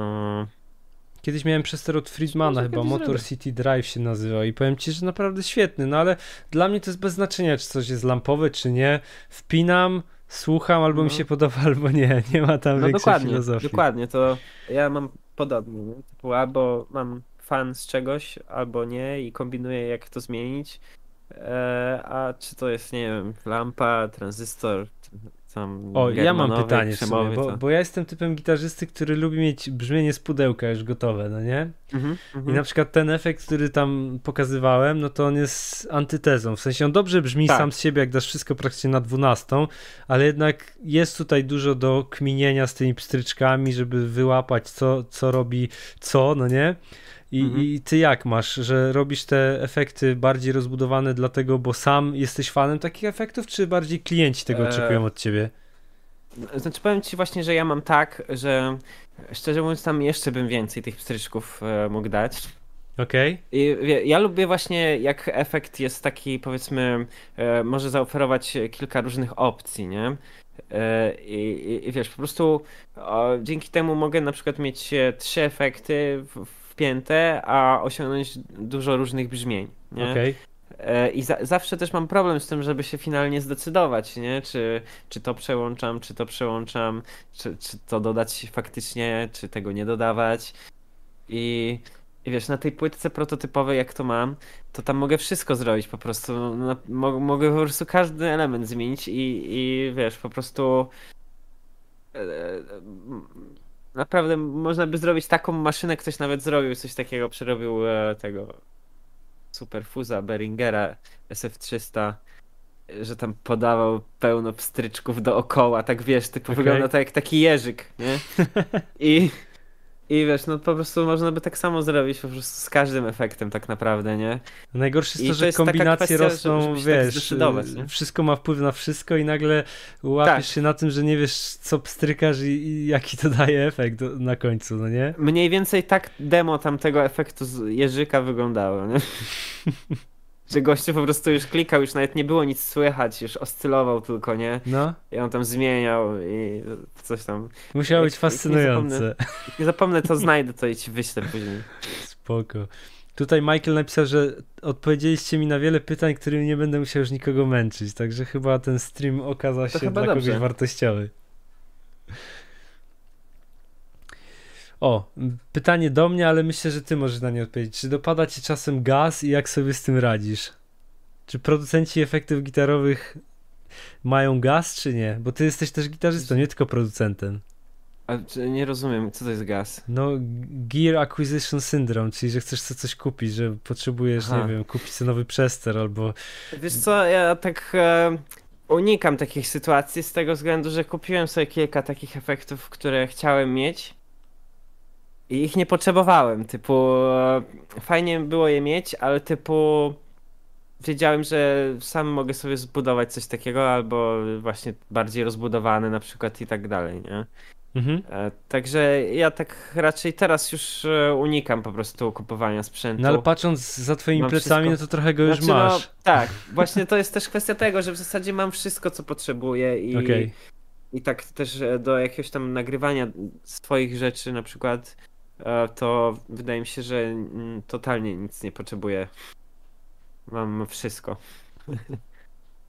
Jest Perkusji teraz nie mam, bo sprzedałem, e, bo nie, nie podobało mi się jak się na niej grało, bo miałem taką elektroniczną starą Alesis DM6 i właśnie się zastanawiam, e, czy, czy, nie, czy nie kupić jakiejś takiej bardziej komfortowej do grania. Ale znowu podoba mi się to, że jak wywaliłem tą perkusję, bo ona stała dosłownie tutaj obok, by stała, jest, jest dużo miejsca i dużo wygodniej mi się tutaj żyje bez tej perkusji. Jasne. Ale jeśli miałbym tak zastanowić się, co bym chciał sobie kupić, to e, perkusję. A jeśli chodzi o jakiś efekt, to w sumie nie wiem. Mogę sobie zrobić dużo. No i super, to przydatna umiejętność na pewno dla gitarzysty, który szuka No. cały czas nowych No brzmień. tak.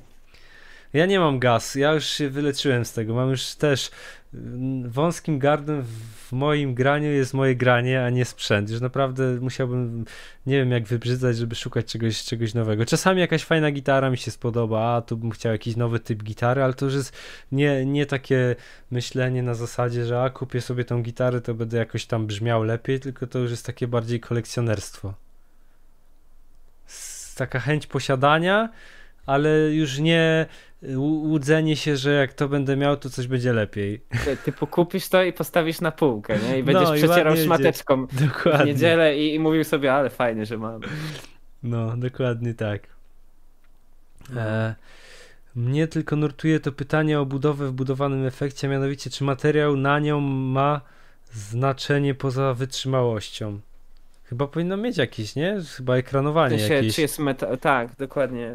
Metalowa obudowa też jest ekranem, po prostu ochrania układ przed zakłóceniami, tak w skrócie, i plastikowa tego nie robi. Be- Beringery mają z tyłu taką metalową płytkę, Aha. po prostu na pr- przykrywkę mają metalową, ale ona nie do końca spełnia swoje... No bo to chyba ze wszystkich stron powinno być Zadanie. ekranowanie, nie? A nie tylko z No jednej. najlepiej by było, no. Więc ona no, nie, nie, nie zawsze spełnia, wiesz, to zależy też od warunków, typu może akurat w domu nie będzie tam komuś to sprawiało problemów, ale na przykład w warunkach jakichś tam studyjnych, scenicznych, gdzie na przykład jest dużo różnych urządzeń wokoło, e, to, to może się pojawić jakiś problem z tym, nie? Często jest tak właśnie, że, że gdzieś tam w domu używamy takie tańsze efekty, a problemy zaczynają się jak gdzieś się je weźmie e, właśnie czy na scenę, czy do studia, nie? Nagle się okazuje, że, że coś jest nie tak. No, to dobrze weryfikuje. Wytrzymałość efektów i, i właśnie takie jakieś rzeczy zakłócenia, szczególnie od świateł kojarzę, że, że często są jakieś problemy z zakłóceniami, nie? Tak, to też na pewno. I e, na przykład też się mówi często, że obudowa plastikowa jest mniej wytrzymała, ale chyba nigdy nie widziałem rozwalonej. I chyba nigdy sam nie rozwaliłem. Połamałem potencjometr plastikowy na pewno, Aha. e, ale nie wiem, no tam mam jakieś te Beringery, ale one są całe. Nie no, to też wydaje mi się jest kwestia tego, jak ktoś szanuje sprzęt, bo to wciskanie No wiadomo, w różnych- to nie chodzi o to, żeby skakać po nich, tylko żeby nacisnąć przycisk, no nie, więc Tak, tak, no, ale wiesz, też wiadomo, że trzeba brać pod uwagę to, że ktoś tam, nie wiem, może sobie po pijaku grać i niekoniecznie pamiętać o tym, że lekko nacisnąć, wiesz, No. różne są warunki na scenie, No nie? pewnie, Ktoś kogoś tak. popchnie, coś spadnie, to, to wiesz, to też kwestia jest tego, że metalowemu efektowi raczej się nic nie stanie, nawet jeśli coś tam by spadło, to może, nie wiem, e, gałki się porysują, czy tam, nie wiem, mogą się też połamać na przykład, nie, ale... masz nie jakieś tak doświadczenie z kolumnami fyry fyry, czy nie? Używałeś kiedyś? Nie. No to Michalo, niestety Adrian ci nie odpowie. Ja też y, troszkę odpadłem z tematu nagłaśniania multi-efektów, także tutaj nic niestety nie pomożemy. Mnie nurtuje jedna sprawa, zasilanie lamp w takich pudełkowych kostkach. Normalna lampa potrzebuje około 300 V stałego na anodzie, na przykład wspomniany Monster ma lampę, jak ona jest tam zbudzana. Wiesz coś na ten temat? Wiesz to w sumie nie wiem dokładnie jak to jest zbudowane. Ja też jakoś tam super nie rozkminiałem e, lampowych układów, więc ciężko mi jest odpowiedzieć na to pytanie, ale wiem, że są w różnych konfiguracjach e, stosowane te lampy, w zależności od układu i faktycznie w niektórych e, jest ta lampa tam tylko takim haczykiem. Na zasadzie, że Okej. w sumie to nic za bardzo nie robi, nie? Świeci. A nawet zdarzyło można- mi się widzieć, e, nawet zdarzyło mi się widzieć taki efekt, gdzie lampa była podświetlana LEDami. Poważnie? Tak, żeby po prostu. no, Nie wiem, czy to w jakimś Black Starze nie było. E, Że po prostu była podświetlana, żeby ładniej wyglądało też. Nie nie? kojarzysz w jakimś Marshallu w Valve State bodajże było coś takiego, że jak się wyciągało lampę, to dalej wzmacniacz grał i nic się nie działo z tym. Ale nie wiem, czy to nie jest jakiś y, mit, y, znaczy legenda miejska. Coś tak Może. słyszałem kiedyś. Dobra, to co może na koniec jakieś ciekawostki ze świata efektów? Opowiedz nam o tym Woodcutterze, to jest ciekawa anegdota. Aha, właśnie, zapomniałem. o tym. Zapomnieliśmy o tym, E, a to jest No, klucz właśnie, dzisiejszego programu. Sekrety produ- i sekrety producentów efektów gitarowych. Tak. le legend, legendy miejskie, właśnie, nie? Tak. E, no właśnie, e, w racie e, można znaleźć właśnie takie naklejki, na których na potencjometrach jest e, coś napisane. Nie? I no, nie jestem w stanie wam tego pokazać, no, bo to nie będzie widoczne mm, totalnie. Na bank nie będzie. No, za ciemno już widzę na podglądzie No. też. E, w każdym razie możecie sobie w Google wpisać i zobaczyć jak to wygląda. Rad Woodcutter. E, I po prostu na potencjometrach macie taką tasiemkę i tam e, jest coś napisane właśnie. Woodcutter jest e, taką legendą. Na forach można sobie poczytać, że właśnie wersje Woodcutter brzmią najlepiej e, i że to są najbardziej kozackie wersje ratów, nie? E, no i o co chodzi z tym Woodcutterem? Woodcutter to był po prostu jeden z pracowników e, firmy i on po prostu przychodził tam lutować efekty e, i tego co mi wiadomo, nie znał się w ogóle na tym, tylko był po prostu gościem, który przychodzi lutować tak jak mu wszystko kazali, nie? E, podobno był nauczycielem e, i tam kogoś znał i dlatego się zatrudnił i podobno też zmarł, więc też e, może to kwestia też troszeczkę tego, że ludzie może chcą e, mieć coś od kogoś, kto nie wiem, zmarł, to też jest jakaś taka, nie wiem, opcja, ale w każdym To razie no on coś po takiego w prostu... okult y, zastosować. To mo- może Że do... muszę umrzeć? dobra synergia by była z tą marką. Ale w każdym razie chodzi o to, że e, to jest po prostu podpis pracownika, który to zrobił, nie? To nie jest żadne tam oznaczenie wersji, że ona jest jakaś lepsza, to po prostu każdy pracownik, że tak powiem, miał swoją ksywę, że potem ewentualnie na przykład można było zweryfikować, że z tej i tej partii e, ty zrobiłeś to i to i coś tam było nie tak, nie? Jasne. E, Ten gość zgłosił, musimy coś tam posprawdzać, czy na pewno jest wszystko git. E, po prostu głównie chodzi o identyfikację, kto to zbudował, nie? Ale nazwa jest w sumie fajna. Woodcutter brzmi tak trochę wpierdzielowo, nie? Oni tam mieli jakieś śmieszne w ogóle nazwy, ja nie pamiętam, tam jeszcze e, był jakiś Prince chyba, coś tam. Nie pamiętam dokładnie, nie chcę przekręcić, nie będę kombinował, ale em, wymyślili sobie tam ksywy różne. Akurat to też jest e, stara wersja, jeszcze patrzcie, ma e, zasilanie na takiego małego jacka, jak O. słuchawki. To też jest e, ta, taka mm, opcja, która pojawiała się w takich e, efektach właśnie starszych, nie? więc to jest no to jest, e, nie wiem w sumie, który to jest rocznik, ale obstawiałbym, że jest jeden z pierwszych turboratów. A miałeś kiedyś do czynienia z analogmenami? E, nie, nigdy nie miałem. No Bo to też jest ciekawy model biznesowy, nie? Że czekasz 2-3 lata na efekt gitarowy. A to tak nie zawsze chyba. Ja widziałem, że on teraz tam w ogóle w Chinach robi niektóre rzeczy. W sensie, że Chiny robią. Tak jak jest ten właśnie Prince of Tone. Aha. E, nie pamiętam jak to się nazywało teraz. To po prostu Chiny robią i to tylko jest klepnięte pod analogmanem, nie?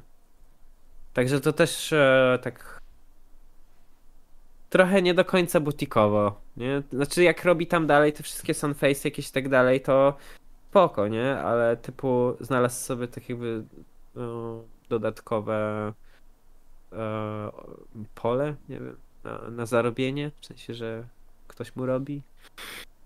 No tak niestety dużo, e, du, dużo firm robi, nie? Nawet, e, nawet takich podobnych jak ja, typu, że znam ludzi, którzy tylko składają na przykład, nie? Typu dostają nawet już polutowane płytki z fabryki. Czaję. No ale to jest E, kwestia skalowania więc- biznesu. No nie jesteś w stanie sam wszystkiego robić Tak, i No też, coraz nie? większej produkcji, nie? Realizować w tym samym No, czasie. Znaczy pewnie, pewnie jakbym doszedł do takiego etapu, żebym się nie wyrabiał sam, e, no to pewnie też bym e, pomyślał nad Nie tym, miałbyś bardziej, skrupułów. bardziej bym się skłaniał ku temu, żeby raczej zatrudnić kogoś na miejscu, nie? Żeby tu lutował, a, ale nie wiem, czy, czy zamawianie z fabryki. Ciężko mi to powiedzieć, nie? Gdybym nagle okazał się światową sławą i potrzebował zrobić e, na za tydzień e, tysiąc efektów, no to wtedy bym Pamiętaj, się żeby, zastanowił, nie? żeby pracownicy mieli swoje ksywy i żeby podpisywali się. Tak. Spoko, wiesz co, Adrian, będziemy chyba powoli kończyć, nie? Bo już jest późno, nagadaliśmy się, Dobra. ty szczególnie, bardzo fajnie się rozmawiało. Myślę, że będziemy to kontynuować. Też jestem Dzisiaj było tak ogólnie o wszystkim, ale też chciałbym pogadać Mhm. z tą o jakichś takich konkretnych, specyficznych sytuacjach z rynku efektów gitarowych, bo ty śledzisz temat na bieżąco na pewno. Yy, Co tam się nowego w trawie piszczy, czy nie? Różnie, różnie. Czasami e, odświeżam sobie info, czasami nic nie robię, w sensie nic nie, nie czytam, nie oglądam. E, Czasami oglądam jakieś zagraniczne kanały. Najczęściej w sumie lubię sobie JHS-a właśnie obejrzeć, Briana Wamplera. Mhm. E, To są takie dwa kanały, gdzie faktycznie tam i jest tak też e, dla takich osób, które tam budują i dla użytkowników. Takie też ogólnie po prostu miło się to ogląda, będąc zainteresowanym tematem, nie? Więc na pewno myślę, że jeśli ktoś chce też troszeczkę się podowiadywać takich e, rzeczy, o których tu dzisiaj rozmawialiśmy, to myślę, że na tych kanałach też e, jest dużo takich informacji, takich bardziej o, otwartej głowy, że tak powiem, nie? Jasne. które po, pomagają e, rozwiać jakieś tam wątpliwości i, i jakoś dowiedzieć się czegoś ciekawego. Dobra. Na sam koniec zapraszamy na następujące kanały. Polski Efekciarz. Już Polski wysyłam linka. Efekciarz. Pyk. Tu jest pierwszy kanał. Drugi kanał się nazywa Tone Charm Audio. Na polskim efekciarzu są e, Filmy po polsku. w- w- filmy po polsku takie tłumaczące świat Mhm. efektów gitarowych i ciekawostki z tym związane, nie? Na Tone Mhm. Charm Audio masz to samo, ale po angielsku. Tak, i trochę więcej tam jest właśnie. No i plus jeszcze próbki Tone Charma, nie? Swoich efektów. Tak, też są. No i firma matka Okult, efekty dla całej rodziny. Tak, Okult Pelasz przez Pał. Zapraszam też na Instagrama. Jeśli chcecie jakieś tam daily newsy, to na pewno na Instagramie e, ogarniecie. Tam jak już wejdziecie na któryś tych mój kanał, ten mój kanał, to tam znajdziecie też te wszystkie linki, także myślę, że nie ma sensu tutaj Jasne. Nie no, wyślę. pewnie. zapychać czatu, nie? Nie ma co... z- Nie ma co... Yy, to nie kosztuje. Wiesz co, ja mam chyba Linktree, to możesz zrobić to szybciej, po prostu O, chyba. to na link- Instagrama pewnie muszę wejść, nie? Na Instagramie masz No. Linktree? Na Okult jest link, który tam jest dużo różnych To ciekawych już rzeczy. klikam.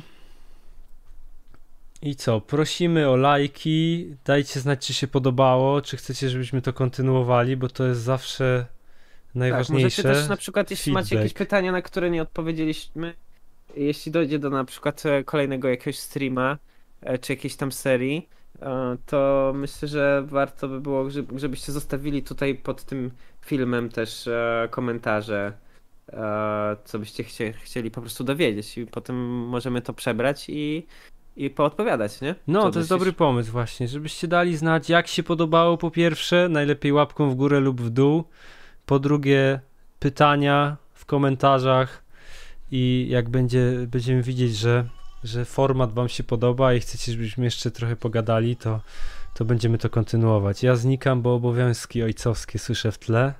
No. Także Będzie dzięki jeszcze. Adrian za dzisiaj, bardzo było miło Dziękuję pogadać w końcu, na żywo i do zobaczenia w następnym odcinku. Dzięki bardzo, było super miło, jestem mega zadowolony, że udało się i no, mam nadzieję, że jeszcze się spotkamy w takiej formie. I pograsz na tych ładnych podoba. gitarach w tle. Jestem ciekawy tego jazzmastera. Dobra, dobra, to muszę troszeczkę poglądać twoich lekcji, żeby sobie łapki rozgrzać. No pewnie. Dobra, to trzymajcie się ciepło, miłego wieczoru i do zobaczenia Pozdro. już wkrótce. Narka, cześć. Hej!